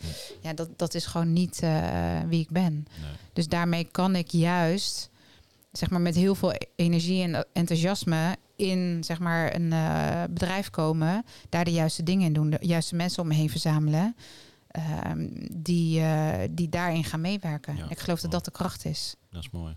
Ja. En, en Kamp van Koningsbrug, hoe is dat op jouw pad gekomen? Ja, ik zag eh, seizoen 1. En, eh, en ik dacht, holy dit- fuck, waarom heeft niemand mij verteld dat je hiervoor kon opgeven? En ik Ja. kende één iemand die meedeed. eh vanuit maar heb je altijd sport. dan al dat, dat, wel dat, dat, dat interesse in dat defensie gehad? Of, ja, joh, ik wilde vroeger echt heel graag een leger in. ja? heb niet je, verteld daarbij kan waarom heb je niet gedaan dan? Omdat mijn stiefvader komt uit het leger. Mhm. En, ehm, en ik vond het zo fantastisch de eerste keer dat hij binnenkwam lopen. eh, dat ik dacht, ja, zo Een dat. held. Ja, held. Ja, was mijn held en beschermer en alles. En ehm, toen, eh, nou, toen wilde ik natuurlijk ook het leger in. En toen zei hij, nou, weet je, we gaan het onderzoeken. We zijn naar eh, open dagen geweest. En eh, maar toen vertelde hij ook, het is niet alleen maar klimmen, klauteren en eh, van die obstakelcourses, zeg maar. Hij zegt maar, ik ga je ook wel de echte verhalen vertellen. Hij heeft in Bosnië gediend. Ehm, en toen dacht ik wel, oh, ja, oké, oh, je moet je mensen doodschieten. dat soort dingen. En dat denk Ja. je dan als meisje van 16, 17. Ehm, dus, en dat was gewoon toen in die tijd voor mij, eh, zeg maar, zijn verhalen, die raakten me. Dat ik dacht, ja, misschien wil ik dit dan toch niet 90 echt. dan of zo. Ja, ja, ik ben nu eh, 39, ik Ja, word dit jaar ja. 40. Ja, ik ben zelf in 97 opgekomen, dus ik had in 596 dat proces. Ik Ja. ben 44, dus Ja. dat vijf jaar. Ja, Dus een ja. beetje rond 2000 is Ja. dat dan. precies. Ja, en eh, dus ik besloot om dat niet te doen. Daar heb ik eh, nou best wel eeuwig. Nou ja, misschien wel spijt is een groot woord. Maar dat ik dacht, ah, het is toch jammer. Het had me heel goed gepast. Ja. Eh, dat weet ik 100% zeker. Ehm, en ik ben heel tevreden met de route die ik heb afgelegd. Echt, eh, dat had ik ook weer niet willen veranderen. Maar toen ik kwam van Koningsbrugge zag op tv en ik zag seizoen 1 en ik dacht, waarom heeft niemand mij dit verteld? Nou, jouw omgeving had al moeten weten dat, dat dit voor jou iets zou ja, of gewoon, ja, zoiets of Ja, zo, ja. ja, weet je wel. Maar ik was ook de eerste die het zag, dus eh, ik, zei, ik heb tegen iedereen gezegd, kijk, eh, nou, ik zat aan de buis gekluisterd. Ik denk dat die eerste twee afleveringen wel tien keer heb gezien, dat ik vond zo kicken. En eh, toen dacht ik, oh, kan je hiervoor opgeven? En toen wist ik gewoon, hè, naarmate de afleveringen vorderden, eh, dit, dit gaat, het is zo succesvol, dit programma, dit gaat gewoon nog een keer komen. En daar heb ik besloten, volgend jaar ga ik meedoen. En toen dacht ik, oké, wat heb ik daarin te doen? Want ik had best wel wat pittige jaren achter de rug en eh, ik was, was niet mijn meest fitte zelf. En toen dacht ik, ja, eh, je moet dus heel veel marsen met van die eh, vreselijk zware schoenen aan. Tas op je rug. Nou ja, shit hè, moet ik gaan hardlopen. En eh, ja, ik, haat, ik haatte hardlopen echt tot in het diepste van mijn ziel, van mijn, elke vezel. Dat, Ja. dat zat ook in mijn motivatiefilmpje die ik heb ingestuurd. Maar ik ben op dat moment ben ik gaan hardlopen. En op een gegeven moment heb ik ook een coach ingezet, een runcoach. Dat ik zei, ja, ik heb er geen verstand van, maar hoe ga ik in godsnaam ooit 2800 meter in 12 minuten kunnen rennen? Terwijl ik kon nog geen 100 meter hardlopen. Te- eh, weet je, zonder dat mijn eh, longen op mijn eh, enkel zingen. Nou, dus nou, ja, dat gaan doen. En nou, daar heb ik al heel veel demonen in moeten Maar bevechten. dat, dat, die, die klik maakte je voor jezelf al voordat je aangenomen was, noem ik het Ja, ja, ja. Dus. Ja. Dus je ging al meteen voorbereiden van als ik die kans krijg, dan ben ik, ik klaar. ging 100% eh, ging ik erin. En ehm, nou, ik heb ook een, eh, twee eh, trainingen gedaan bij eh, Un- Unbreakable Academy van Sander. Ehm, ook ter voorbereiding. En dat, dat was al eigenlijk, ik, was, ik zeg maar, ik wilde dat al doen voordat überhaupt KVK op tv was. Ehm, maar door corona was het afgezegd. En eh, toen dacht ik, hé, maar dat is wel echt een mooie ultieme voorbereiding. Eh, dus dat ben ik gaan doen. Nou, bij de eerste training van vier uur dacht ik, dat kan ik echt niet. dus daar dacht ik, vreselijk. We moesten heel lang marsen met een tas. En ik had mijn enkel verzwikt in dat moment. Ik ben gewoon doorgegaan. Ik dacht, nou, dit is toch echt vreselijk. Dus ik dacht, nee, dat ga ik gewoon niet doen. Maar ik zat op dat moment al wel. Volgens mij had ik toen al mijn, eh, net twee weken daarvoor mijn motivatievideo verstuurd.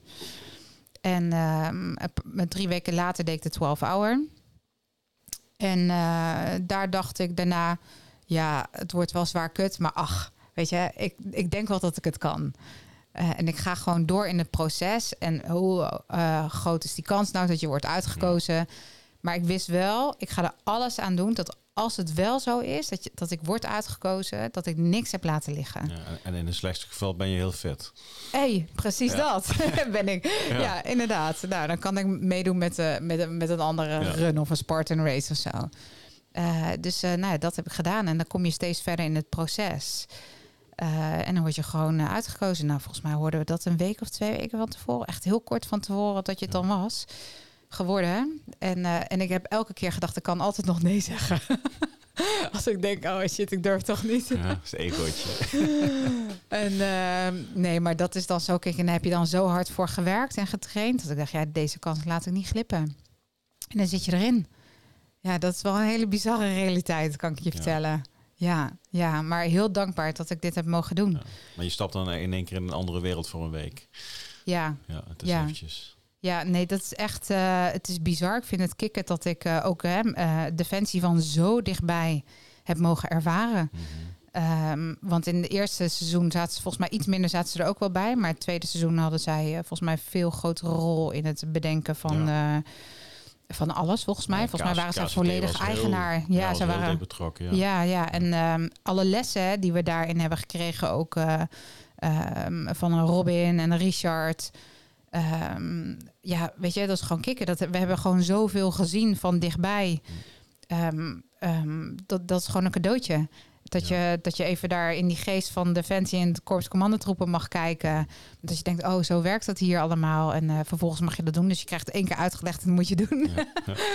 ja, dat is wel mooi. Maar zit, zit je voor je gevoel wel in een opnamesetting of ga je op een gegeven moment echt wel op en ja, je wil die eindstreep halen en eh Ja, je zit helemaal doorgaan we anderen ja. stoppen. ja, sowieso doorgaan we anderen Maar zit je stoppen. dan weer wel echt in je eigen cocon met de groep mensen waar je opdrachten mee aan het doen bent om gewoon die Ja. fucking streep te halen met elkaar? Ja, ja, je ziet die camera's echt niet. Nee. Nee, je, weet je, want voor ons is alles is realiteit. Hè? We staan daar met een groepje mensen. En, ehm, en je krijgt gewoon opdrachten. En als jij helemaal naar de getver bent, dan eh, ja, is het misschien niet heel omgevingsbewust, maar je ziet die mensen echt niet meer. Terwijl ik in het begin, ik, want ik had mezelf voorgenomen, ik heb heel veel SES Who Dares Wins eh, heb ik gekeken. En er zaten bepaalde elementen in waarvan ik dacht, nou, dat zou misschien dit keer wel kunnen komen.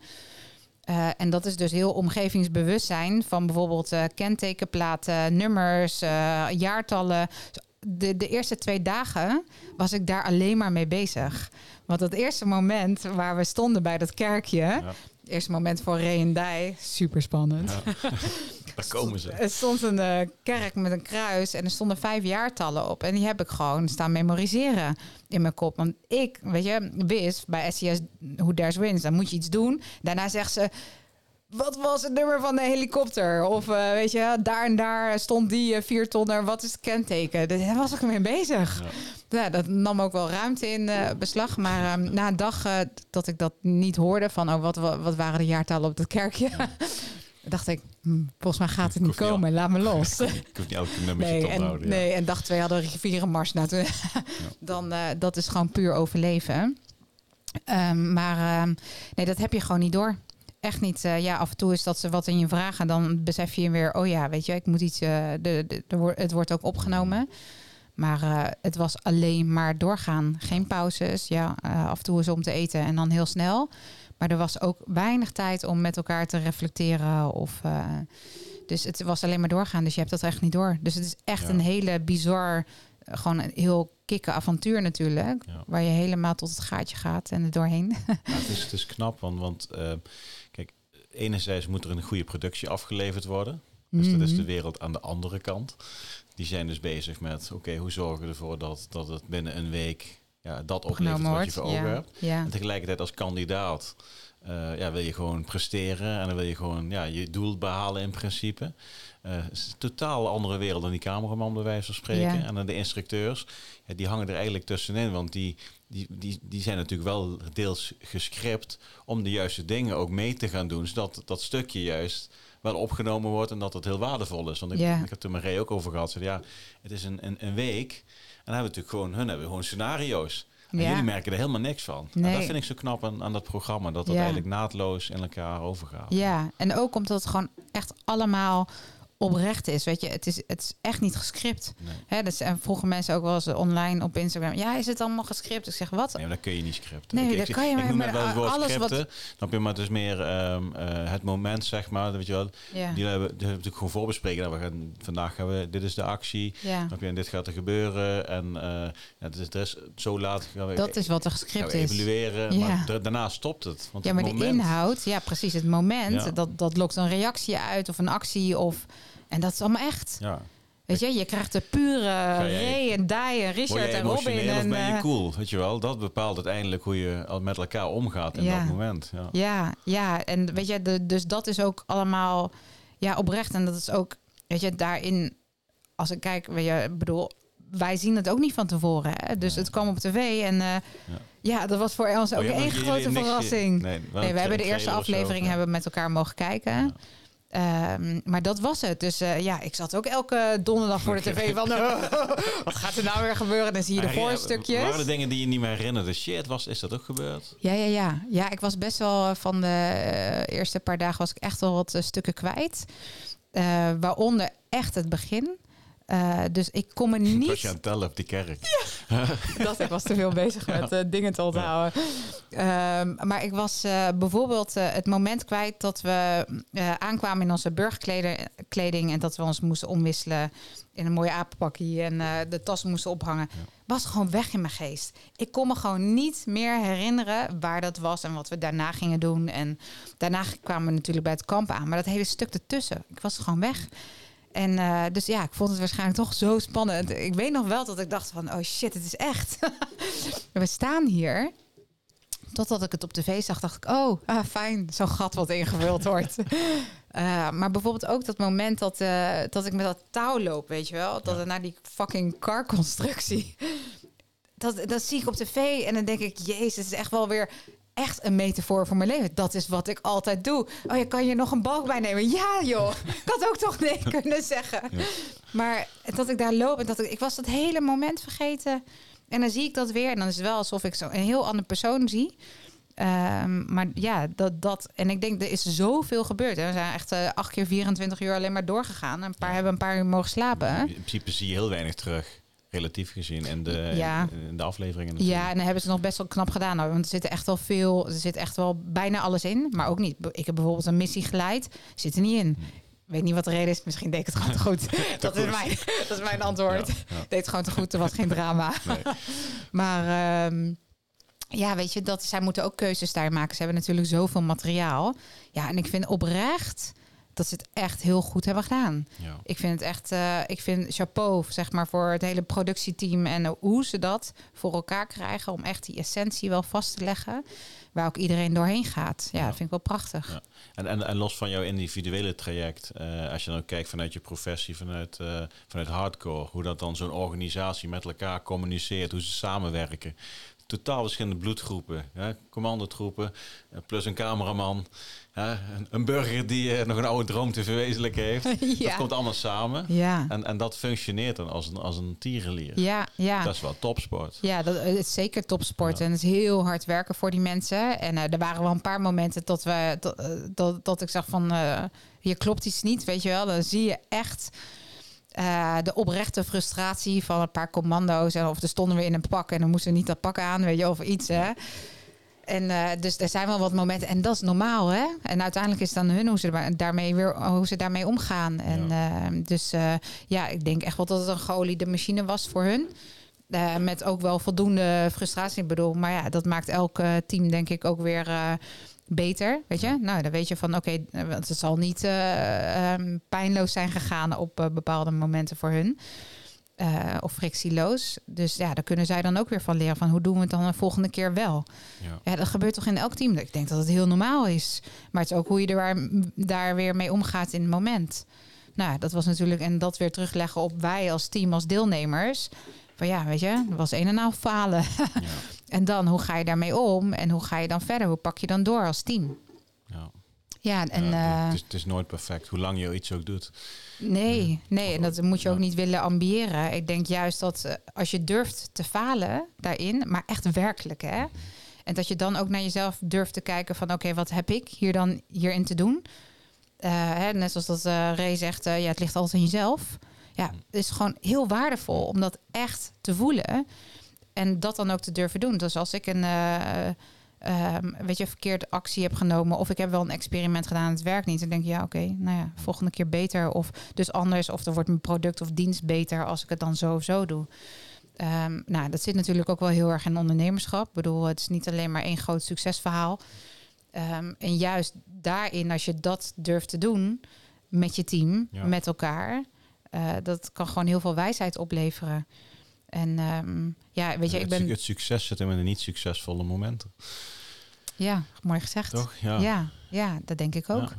En vanuit daaruit groei je weer. Dus je moet, hè, je moet die pijn een beetje voelen. Van ja, waar, waar moet ik doorheen uh, om tot een bepaald inzicht te komen? En, um, en zeg maar bij mij, de pijn, als ik het even nog uh, relateer aan Kamp Koningsbrugge, was uh, zeg maar accepteren dat uh, mijn conditie niet het allerbeste was. Ik bedoel, hoeveel overwaarde kan je creëren in een jaar? Nou, nul. Weet je, ik had net eh, die 2800 meter in 12 minuten kunnen rennen, weet je wel. Maar toen kregen we 20 kilo mee. Dat red je dus niet, ik niet. Wat even over slow straks. Slow koffie, slow. Ja. eh, ben je dan in een te korte tijd te snel gegaan? En is het een mooi momentje van, goh, door nog eh, bewuster en meer tijd te geven aan je lichaam om tot een bepaald niveau te groeien, dat dat eh, meer sustainable is dan? Ja. Ja. ja, ik denk dat dat een veel betere route is dan heel kort en snel. En een jaar is relatief kort, zeg maar, om je voor te bereiden voor zo'n groot avontuur. Ja, ik ben geen hardloper. Ik ben, ik ben een sprinter. Dat, ik ben, eh, weet je, eh, geef me een beetje vuur en ik ga, maar Ja, niet ja, te ja. lang graag. Letterlijk en figuurlijk. Ja, sprinter, ja. ja, ja. En, ehm, ja, en daarin heb ik gewoon moeten accepteren dat dat was wat het was. Nou, daar ben ik heel realistisch over geweest in mijn motivatie. Van ik ga het gewoon conditioneel heel zwaar krijgen. Dat wist ik gewoon. Dus dat heb ik niet over mezelf afgeroepen. Daar was ik gewoon heel realistisch in. Nou, ik ben ook het kortste van het stel daar. Dus eh, ja, ik moet gewoon twee keer zoveel stappen zetten als Ja. jou, eh, als een lange vent. En, ehm, bal- en daar moest ik en brancard stellen is ook niet altijd even makkelijk als je heel klein bent. ja, ja, precies. Ja. Nou, en daar moest ik mee werken in dat moment. Dus eh, ja, en ook van als je ook dingen teruggeeft, zeg maar in het team, eh, of zegt waar het op staat. Ja, weet je, dat gaat zich heus wel backfire. Dus ja, wat heb ik daarin te doen? Ja, ze accepteren dat eh, dat, dat is zoals het is. Ja. En ehm, ja, ik ben best wel heel, nou best wel, ik ben gewoon heel reflectief ingesteld. Dus in die momenten dacht ik, oké, even eh, draag mijn actie bij aan dat wat we te doen hebben. Ehm, blijf ik ook nog trouw aan mijn eigen core, want dat vind ik belangrijk. Ik ga mezelf niet anders voordoen dan wie ik ben. Dus als ik voel dat ik ergens wat van wil zeggen, omdat het me wat doet, dan zeg ik het. Ja. Ja, en dan kan het misschien negatief uitpakken, of dat jij mij niet mag. En dan denk ik, ja, dan mag je me maar niet. Maar dit is wel wat ik dan te zeggen heb. En dan moeten we allebei meewerken dan. En uiteindelijk moet het toch een team worden. Dus ehm, Ja, ja, er zitten heel veel lessen. Maar dat is, dat is de ultieme vorm van zelfleiderschap ook. Dat je het als eerste naar jezelf reflecteert. En Ja. daarin je eigen conclusies trekt. Wat jij zelf anders zou willen doen. Ja, En als het antwoord nee is, is het antwoord nee. ja, En dan kun je ook daar van daaruit je keuzes maken wat dan jouw richting of jouw pad zou moeten zijn. Ja?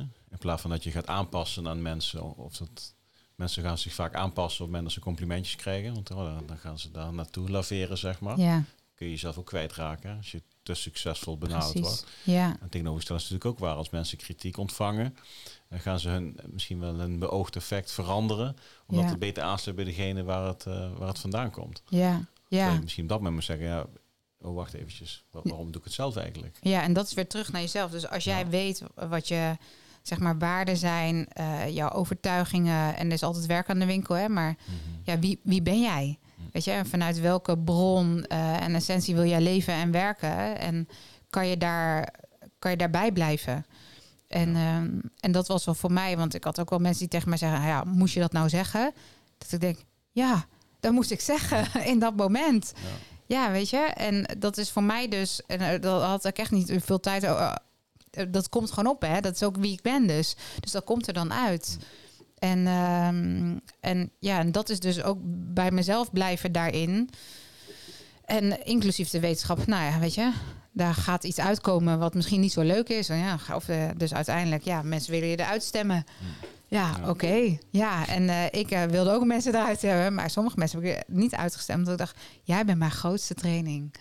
Weet je, en daar heb ik van te leren. Daar moet ik mee leren werken. Ja, dus ik zie ook heel veel gewoon als een les, als een learning. Dat ik denk, wat heb ik hierin te doen? Wat kan ik hiermee?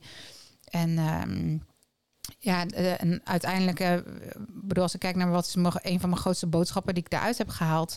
Dus ik moest letterlijk en figuurlijk moest ik echt wel een paar keer in de kar gaan zitten. Nou, Ofwel omdat ik eh, niet eh, zeg maar de leiderschapsrol had. En eh, moet je accepteren dat iemand anders dat heeft. Of moest aanhangen aan de tas. Bij Jaring. of je had wat hulp nodig. Hè. Michel heeft me ook heel goed geholpen in die ellendig lange marsen. Ehm, en ja, dat, dat was in mijn geest het allermoeilijkst. Omdat ik, degene die altijd hulp biedt en geeft als adviseur en eh, trainer, coach, noem maar. Dat ik een keer in die positie was en ik de hulp nodig had. En nou, eh, dat, dat voor mij is dat metafoor van in de kar gaan zitten. En ik, maar dit is wel eens oké. Weet je, leer daar ook maar eens mee werken. Dat je niet altijd de kar trekken hoeft te zijn. En dat het best wel fijn ook is als andere mensen je kunnen meenemen. En dat ik hier nu niet de sterkste ben. Maar straks op een ander onderdeel kan ik andere mensen weer meenemen in eh, mijn kracht. Ja. Dus, dus de leider slash zelfs leider hoeft niet altijd de leider te zijn. Nee, zeker niet. Nee hoor. Nee, ik denk dat het juist heel mooi is als je kan terugstappen daarin. Eh, en dan meer een beetje, ja, eigenlijk, ja, lead from behind. Ja. Ja, weet je, dat hoef je, je hoeft als leider niet altijd voorop te staan of eh, ehm, zeg maar de sterkste te zijn. Ehm, want ik denk, het gaat juist om een team. Ik bedoel, je hebt mensen daar in je team eh, die iets voor jou kunnen bewerkstelligen en daarop durven te vertrouwen. Ja. En ja, dat is zo gaaf wat ik dus doe in mijn ondernemerschap nu met eh, Hummingbird. Ja, weet je, dat voelt gewoon echt heel erg in flow. En dat is gewoon kicken om te ervaren van, oh ja, dat is me toch gelukt. En eh, nou, dat nog doortrekken, zeg maar, voor de groei van eh, hardcore. Dus die boodschappen neem ik daar heel erg Ja. aan mee. Dus het heeft me heel veel gebracht om mee te doen aan dit avontuur. En daarin die boodschappen te ontvangen. En ook omdat ik dat wist van tevoren. Als je fysiek door zoiets heen gaat, daar ga je learnings uit krijgen, inzichten in opdoen. Je komt jezelf tegen natuurlijk in het kwadraat. Ehm, en als je ervoor open staat en reflectief bent, van wat heb ik daar dan uit te halen? Dus toen ik terugkwam, eh, ja, ik kon niet typen, want mijn vingers waren, eh, alles was ontstoken. Ja. Dus ik heb mijn dictafoon aangezet en ik ben van me af gaan lullen. En, ehm, en dus zo gaan reflecteren van wat is er eigenlijk allemaal gebeurd? Eh, waar heb ik van geleerd? En eh, nou, daar heb ik uiteindelijk ook mooie artik- artikelen over geschreven eh, per aflevering. Om mensen mee te nemen in Ja. mijn geest. Ja, die staan allemaal op de site, toch? Nee, mijn artikelen staan op LinkedIn. Op LinkedIn heb je Ja. die staan, oké. Ja, dus ja, en dat is voor mij ook, weet je, om mensen deelgenoot te maken van je proces. Want het waren negen afleveringen, acht dagen. Eh, maar wat je op tv hebt gezien, ja, dat, dat gaat niet zo diep als wat er natuurlijk, wat, wat ik te vertellen heb over mijn ervaring. Wat ik daar allemaal gevoeld heb en gezien heb en hoe ik dat geïnterpreteerd heb. Eh, dus daarin dacht ik, ja, het is wel kicken om mensen daarin mee te nemen vanuit mijn persoonlijke zelfreflectie, zelfleiderschap. En eh, ja, en als jij daar inspiratie uit kan halen, vind ik alleen maar tof. Ja. En ik, en ik zag meerdere van jullie groep dat die ook op LinkedIn wat artikelen hadden geschreven. Kijk, dus dan, dan ehm, ik zal de linkjes van jou ook in de podcast erbij zetten, ook van, van, van, de, van het bedrijf en zo. Leuk. Dan zie je ook de verschillen. Mm, Dus, ja. dus, dus dat is mooi. Je geeft eh, vanuit verschillende hoeken inzagen van goh, hoe is de belevingswereld geweest. ja, En dan is het zo mooi om dan, dus ik heb dat gedaan in ieder geval, eventjes de verdieping te maken van goh, wie zijn die mensen eigenlijk? ja, En dan kun je zeg maar je televisieervaring, Ja. dus jouw individuele reflectie noem ik het eventjes. Ja. Kijk je in de keuken van goh Raf, hoe heb jij dat ervaren? Oh, dat heb ik zo niet ge- gezien. ja, ja. En dan wat doet die dame eigenlijk in, in, in de burgermaatschappij noem ik het eventjes. Ja. Ja, dat is een heel mooi ja, palet dan, wat je dan ook weer als kijker heel veel inzichten geeft. Ja. Dus dat zou ik zeker ook mensen aanraden om te doen. cool. Als je daarin geïnteresseerd bent. Want dan zie je eigenlijk de ultieme vorm van het zelfleiderschap terugkomen. Hoe Ja, ging iemand om met die situatie? En wat is de achtergrond van die persoon? En dat is heel, heel interessant. ja, Dus is- ja. En wat sprong er voor jou uit? Was er iets waar, wat je verraste daarin? Of eh, Ehm, nou, en met name het, het- de kwetsbaarheid wie er, wie, er, wie er bij mij naar boven kwam. Mm. Je? Eh, eh, jij was in de serie toch wel eh, de, de, de tough lady ook wel. Die ook wel, ja, wat je zei, ik, ik, ik wil graag. Ik heel erg eager ook om, om vooruit te gaan, zeg maar. Kijk, en dan als, je, als ik jou zie schrijven, zeg maar, jouw... Mhm. eh, ja, ik heb het niet allemaal scherp voor de geest, maar de, de, de momenten hoe jij dat zeg maar voor jezelf reflecteert. ja, Ja, en dan, ik wist dus helemaal niet dat jij ja, gewoon in, in de koffiewereld zat. Ja. Ik, ja, ik heb het natuurlijk net over hoe ik daar naar Ja, kijk. Ja, ja. dus dacht hè? ja, hoe dan? Hoe dan? Ja, en, dan ja. ik- en dan zie je pas, zeg maar, en dan leg ik ook een beetje mijn eigen ervaring eroverheen. Ja, kijk, in een bepaalde situatie eh, komt echt de kern naar boven van hoe Ja. iemand daadwerkelijk is. Ja? En dat is denk ik heel mooi. En of dat dan, dus als je iets intens beleeft, ja, of dat dan je hobby is, of je vak, of, Ja. of doe dat vol met passie en intens. ja, je? En leg dat vast. Want dat vind ik wel heel mooi dat je dat nu zegt. Ik ben mijn dictafo dictafoon gaan pakken. En denk van, goh, had ik zelf ook wel eens een keer ooit Oh, ja, twintig jaar lang moeten doen. moeten doen, Het zit, allemaal ergens in het hoofd, maar het Ja. natuurlijk. ja, ja. Dat zijn wel de... Ja, dat is mooi, weet je wel. Ja, ja, ja. En dan, dan, dan kan je daar ook weer van leren. Ik bedoel, ik zag gisteren weer een filmpje. Ik ging even terugscrollen, want ik heb ook wat video's van mezelf opgenomen. Dat ik dan de eerste keer in een sportschool kom. En eh, dat ik eh, even tegen mijn beeld aan ben gaan praten. Van ja, Ja. weet je, ik had mezelf voorgenomen om drie weken niks te doen. Maar ik moest, ik moest in mijn sportkleding stappen na, na twee weken. En even in de sportschool zijn. En eh, ik heb alleen maar weet je, gefietst op een fietsje. Maar door daar te zijn, weet je wel. En, eh, want dat sporten en zo en eh, fysiek helemaal eh, zo bezig zijn, zat zo in me. En dan zie ik ook gewoon weer van, oh ja, dit past ook zo bij me, weet je. Het hoort bij me. Ik wil het niet loslaten, maar ik wil mezelf ook gunnen om voldoende rust te nemen Ja. eh, in dat herstel. Dus ja, en dat is wel grappig als je dan toch zoiets terugziet. Dan denk ik, oh, dat was ik alweer helemaal vergeten. Ja, Ja, ja, ja. Ja, nee, maar dat is heel mooi. En, en ja. eh, eh, voor mezelf is Kamp van Koningsbrug ook een heel erg leerzaam traject. En niet zozeer Ja. Kamp van Koningsbrug, maar de militaire programma's. Oh Dat ga ja. ik uitleggen. Ja, ik ben heel benieuwd. Eh, eh, als, ik heb het puur, in, puur voor mezelf. Dan. Dus ik praat Ja. niet voor alle militairen, absoluut niet. Echt Nee. voor mezelf. Eh, ik heb moeite om daarna te kijken. oh, Omdat ik, ik denk, weet je wel, dat is, eh dat is televisie. En ben natuurlijk zelf militair geweest. ja, en, het is niet de echte wereld. hè, en ze worden nu neergezet als. En, maar daar zo praat ik over jaren terug nu, hè, hoe Oké. ik er nu over praat. Ja. En dan was dat, dat, op een gegeven moment ik, ja, Patrick, hoezo? Weet je wel? Ja, Het is- goede het- vraag. Het is, het is toch het is heel interessant. Het is mooi. Er wordt een beeld geschetst. Het is goed voor de organisatie Defensie in dit geval. Ja, Het heeft helemaal niks met mij te maken, weet je wel. ja, ja. Dus dat was mijn ego. ja. Patrick vindt dat hij de militair is. En kijk hen, kijk hen daar eens doen. Weet je wel. Ja, doen alsof. Ja. Dat is niet Ja. echt, weet je wel. Ja, Ja. Ik bedoel, het is wel echt. Het is voor ons heel echt. Ja, het is gewoon echt. Ja, ik bedoel, het en, is- eh. Het was niet zo zwaar als wat wij hadden. Nee. Is dat zo? Dat weet En ik het is helemaal ook niet. niet de echte Ik, ik, commandoopleiding. ik weet niet of dat zwaarder of niet zwaarder is, maar toen wist ik, Was dacht ik dat wel. Ik weet, ja, maar snap je dus, dus Ja. dat, dat weet je niet, want je bent helemaal niet bij. Nee, nee. Dus, dus het is ook een soort van ego-reflectie naar mij als burger toe, met een veteranenstatus die dan daarna gaat kijken alsof. Ja. Ja, ik denk dat je dit heel mooi zegt. Want er zijn heus wel eh, reacties hè, daar in dat domein. Maar ja, het is niet de echte eh, ECO. En nee, tuurlijk niet. Eh, Het is een tv-programma. En we gaan als burgers ergens doorheen. Wat een, zeg maar, een elementen heeft van de commandoopleiding. Ja. Ja, en dat is wat het is, weet je. En we worden geen commando's, er zijn geen commando's. Maar we worden getest op de waarde wat een commando maakt. Ja, en dat is gewoon zeg maar het mooie aan het programma. Dat, hè, en dat vond ik zo kick. Ja, het gaat niet alleen om het fysieke. En dat dacht ik ook. En ik wist ook wel, het gaat over meer dan dat. Maar we hebben heel veel fysiek gedaan. Dus ik was wel blij dat we hè, gaandeweg, dat je echt wel ziet van nee, ze selecteren en ze kijken echt maar wie ben je als mens en zitten die waarden daarin. Weet je wel? En is dat voor dit doel, dit programma, is dat zeg maar goed genoeg binnen die kaders die ze daarin willen zien? En eh, dus ik, ja, ik vind het heel mooi dat je dat zegt. Want eh, uiteindelijk is met alles, hè, als we ergens naar kijken, wat, wat doet iets met je? Gaat het over de ander of gaat het over jezelf? Ja, en eh, wat, je, wat je zegt, het gaat eigenlijk altijd over jezelf. Want jij reageert op iets of iemand wat iets doet met jou. Ja. Ja, daar heb je hier naar te kijken. Ja. En voordat je iets uit naar de ander. En dat is in deze tijd natuurlijk heel makkelijk om gewoon online een shitshow te geven. Ehm, en weet je, en ja, en daar moet je dan als ontvanger ook een Eh, beetje mee dealen. Reactiestroom al binnen, zie ik. Nee. Ja, ja, Nee, maar, maar, dat is, maar dat is wel. eh, maar ik praat nu over vier, vijf jaar terug. ja, Toen ik, eh, ja. toen, toen ik, toen ik. maar toen was Kamp van Koningsbrug Nee, nee, nog dat kwam later. Maar daarvoor Oh, waren ook ja. al een paar keer dat er een soort van vanuit defensieachtige programma's Oh, waren. toen, ja. toen kwam Kamp van Koningsbrug, denk ik drie jaar terug of zo. Ik denk de eerste keer, twee jaar terug. Twee jaar. 2020 was het. hè? Ja. Toen was ik natuurlijk net met Sexual Leadership Oh, begonnen. oké. Ja. Je? Dus eh, ik, ik was toen nog vol op zoek naar van, goh, wat is mijn eigen DNA precies? Ja.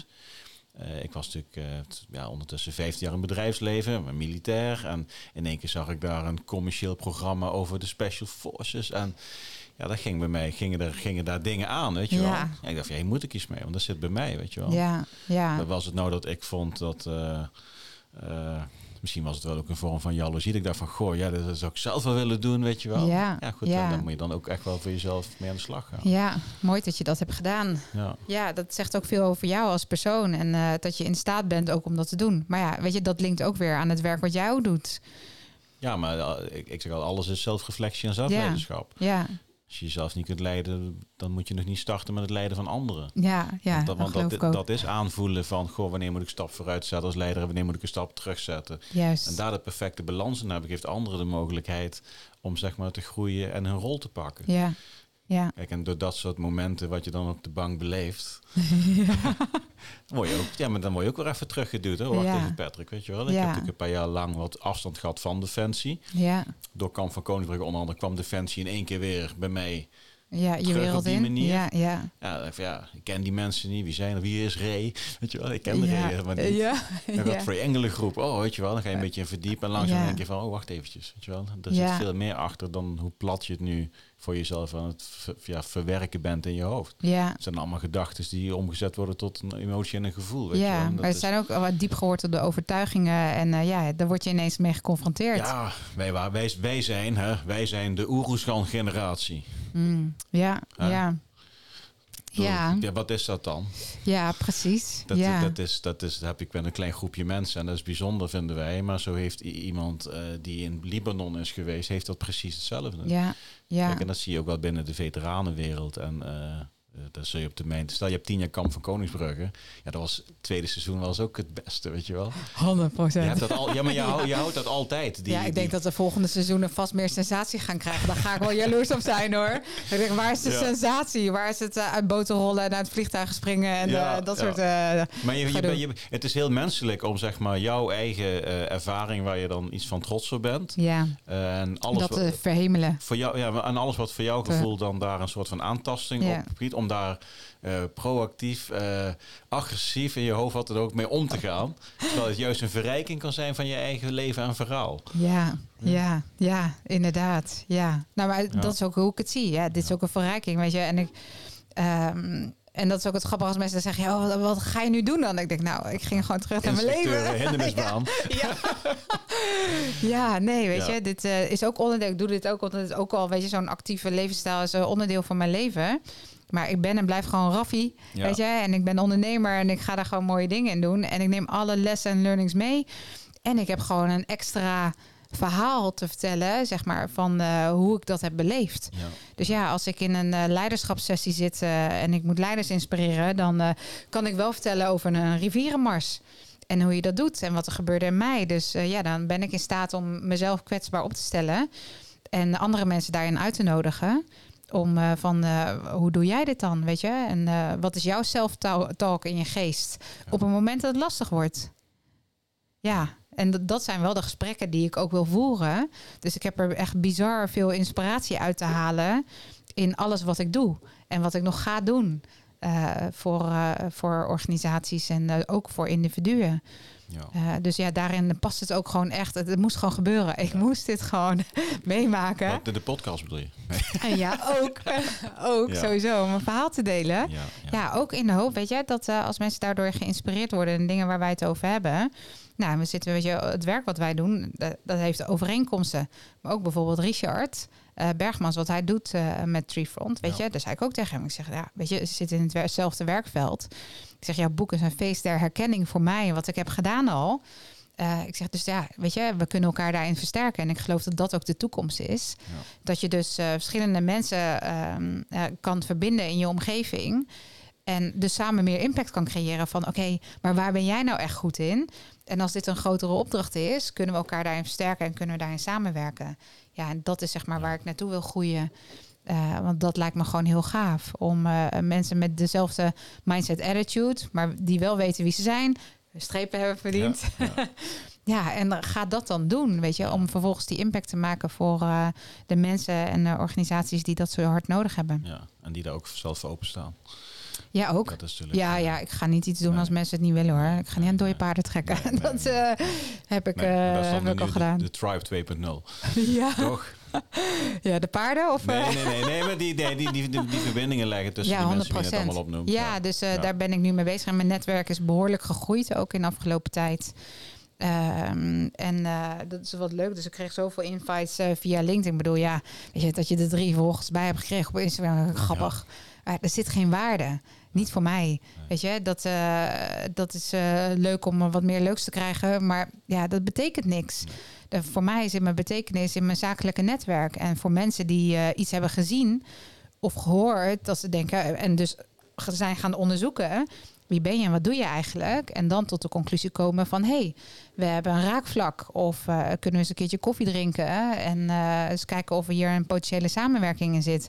Ja, dat vind ik kicken. En dat Ja. is gebeurd in de afgelopen tijd. Ja, Dus mooi. eh, Nou, Ja. Zowel persoonlijk als zakelijk is, is het voor jou een hele mooie stap geweest om de dingen die je hebt gedaan voor Kamp van Koningsbrugge, Kamp van Koningsbrugge kwam. En dan zijn er nog meer dingen op de plek gevallen, waardoor je eigenlijk een, ja, geen doorstart, maar gewoon een versnelling, positieve versnelling kunt doen, omdat de puzzelstukjes nog op de plek zijn gevallen. Ja, en dat ik echt ook weet van, ja, ik wil echt werken met mensen die een streep hebben verdiend, die weten wie ze zijn, hè, uh, hoe ze in het leven staan. Hè. Dus um, uh, dat ze reflectief zijn, uh, dat ze open-minded zijn, ook altijd denken in mogelijkheden. Dat ze ook kunnen doorgaan waar anderen stoppen ja, als het lastig wordt. Ja. Of uh, kunnen battelen in het moment en dan daarna nog een biertje kunnen drinken. Dus ja, ik ben heel erg opgegroeid in de mannenwereld, om maar even zo te noemen. In bedrijfsleven. Ja, ik kan er gewoon heel goed mee werken. Ik kan ook heel goed met vrouw werken. Dus boeit me niet zo man of vrouw. Maar dat is waar ik in opgegroeid ben. Dus ja, dan, ik kan dat ook. En ik vind het fijn als mensen dat ook kunnen. Ja. Um, en... Um, en ja, dan als we daarop kunnen verbinden van wat hebben we hier te doen. Ja, mijn missie is het hard terugbrengen in bedrijven. En ik geloof dat, dat, dat heel veel mensen, als je op dit zeg maar werkveld zit, dan, dan dat, is, dat zit er heel erg in. Het is vanuit het hart, weet je, vanuit die verbinding uh, de juiste doelen neerzetten om die vervolgens echt te gaan realiseren. Um, en ja, wat het onderwerp daarin is, of het nou een energietransitie is of uh, een transformatie binnen defensie ja, je, weet je, je wil de juiste krachten en energieën verzamelen om in staat zijn om dat te doen. En uh, ja, hoe je dat dan doet, dat, ja, dat is een beetje magie. Ja, Hè? magie. Van jou en mij. We gaan ja. afsluiten met uh, de woorden magie. Ja, inderdaad. Ja. Nee, ik vind het uh, heel interessant wat je doet. Ik vind het ook heel leuk ja, hoe we eigenlijk best wel veel dingen hebben besproken. Ja. We hebben niks voorbereid. Nee, en, helemaal niks. Zeg, we, we, laten het gewoon het gesprek zeg maar, gaan zoals het gaat. Ja, en, ja leuk. Daar hou ik ook van ik denk wel dat we de dingen hebben besproken die ik in ieder geval wilde bespreken. Cool. Goed zo. Ik bedoel, dat voor jou zet. Ja, nee, hartstikke leuk. Ja, als ik kan, ja. dat vind ik heerlijk. Ja. ik hou van poetsen hoor. nee, als je over, over, over, bepaalde dingen te lang moet nadenken, dan had je er niet over moeten nadenken. Nee, precies, dat geloof ik ook. Of, dus, of je moet er bewust voor kiezen om eens even op die zachte steen te gaan zitten. en eventjes daar de tijd voor nemen, zeg maar. Ja, ja. gaan de dingen gewoon wel zoals ze gaan. Dat geloof ik ook. En door daar vrede mee te hebben, ontstaan ook vaak de mooiste dingen. Ja, ja, precies. Ja. Ja, dus nee, ik heb vrede met, uh, met ons gesprek. en uh, ja, dankjewel. Echt superleuk om jou te ontmoeten. Ja. En uh, om de derde vrouw in jouw rijtje te zijn in deze podcast. Ja, ik kom nog koffie drinken. Dan. Ja, graag. Graag, ja. Dankjewel. Graag gedaan. Dankjewel. dankjewel voor het kijken weer. Ik, ik heb genoten. Ik vond het leuk. Ja, ik vond het heel erg leuk. ik denk dat we mooie dingen hebben besproken. Uh, heb je naar aanleiding van deze podcast uh, nog uh, vragen aan Raf, vragen aan mij over de verschillende bedrijven die we hebben besproken, Kamp van Koningsbrugge? Ehm, nou, stel die gewoon onderaan een video of stuur een mailtje naar info@sixaleadership.com. Dan zorg ik dat deze vragen bij de juiste vrouw terechtkomen. en als ze aan mij gericht zijn, dan zal ik ze beantwoorden. En bedankt voor het kijken weer, bedankt voor het luisteren en subscribe je op ons kanaal. En dan zeg ik altijd tot de volgende keer. Einde bericht.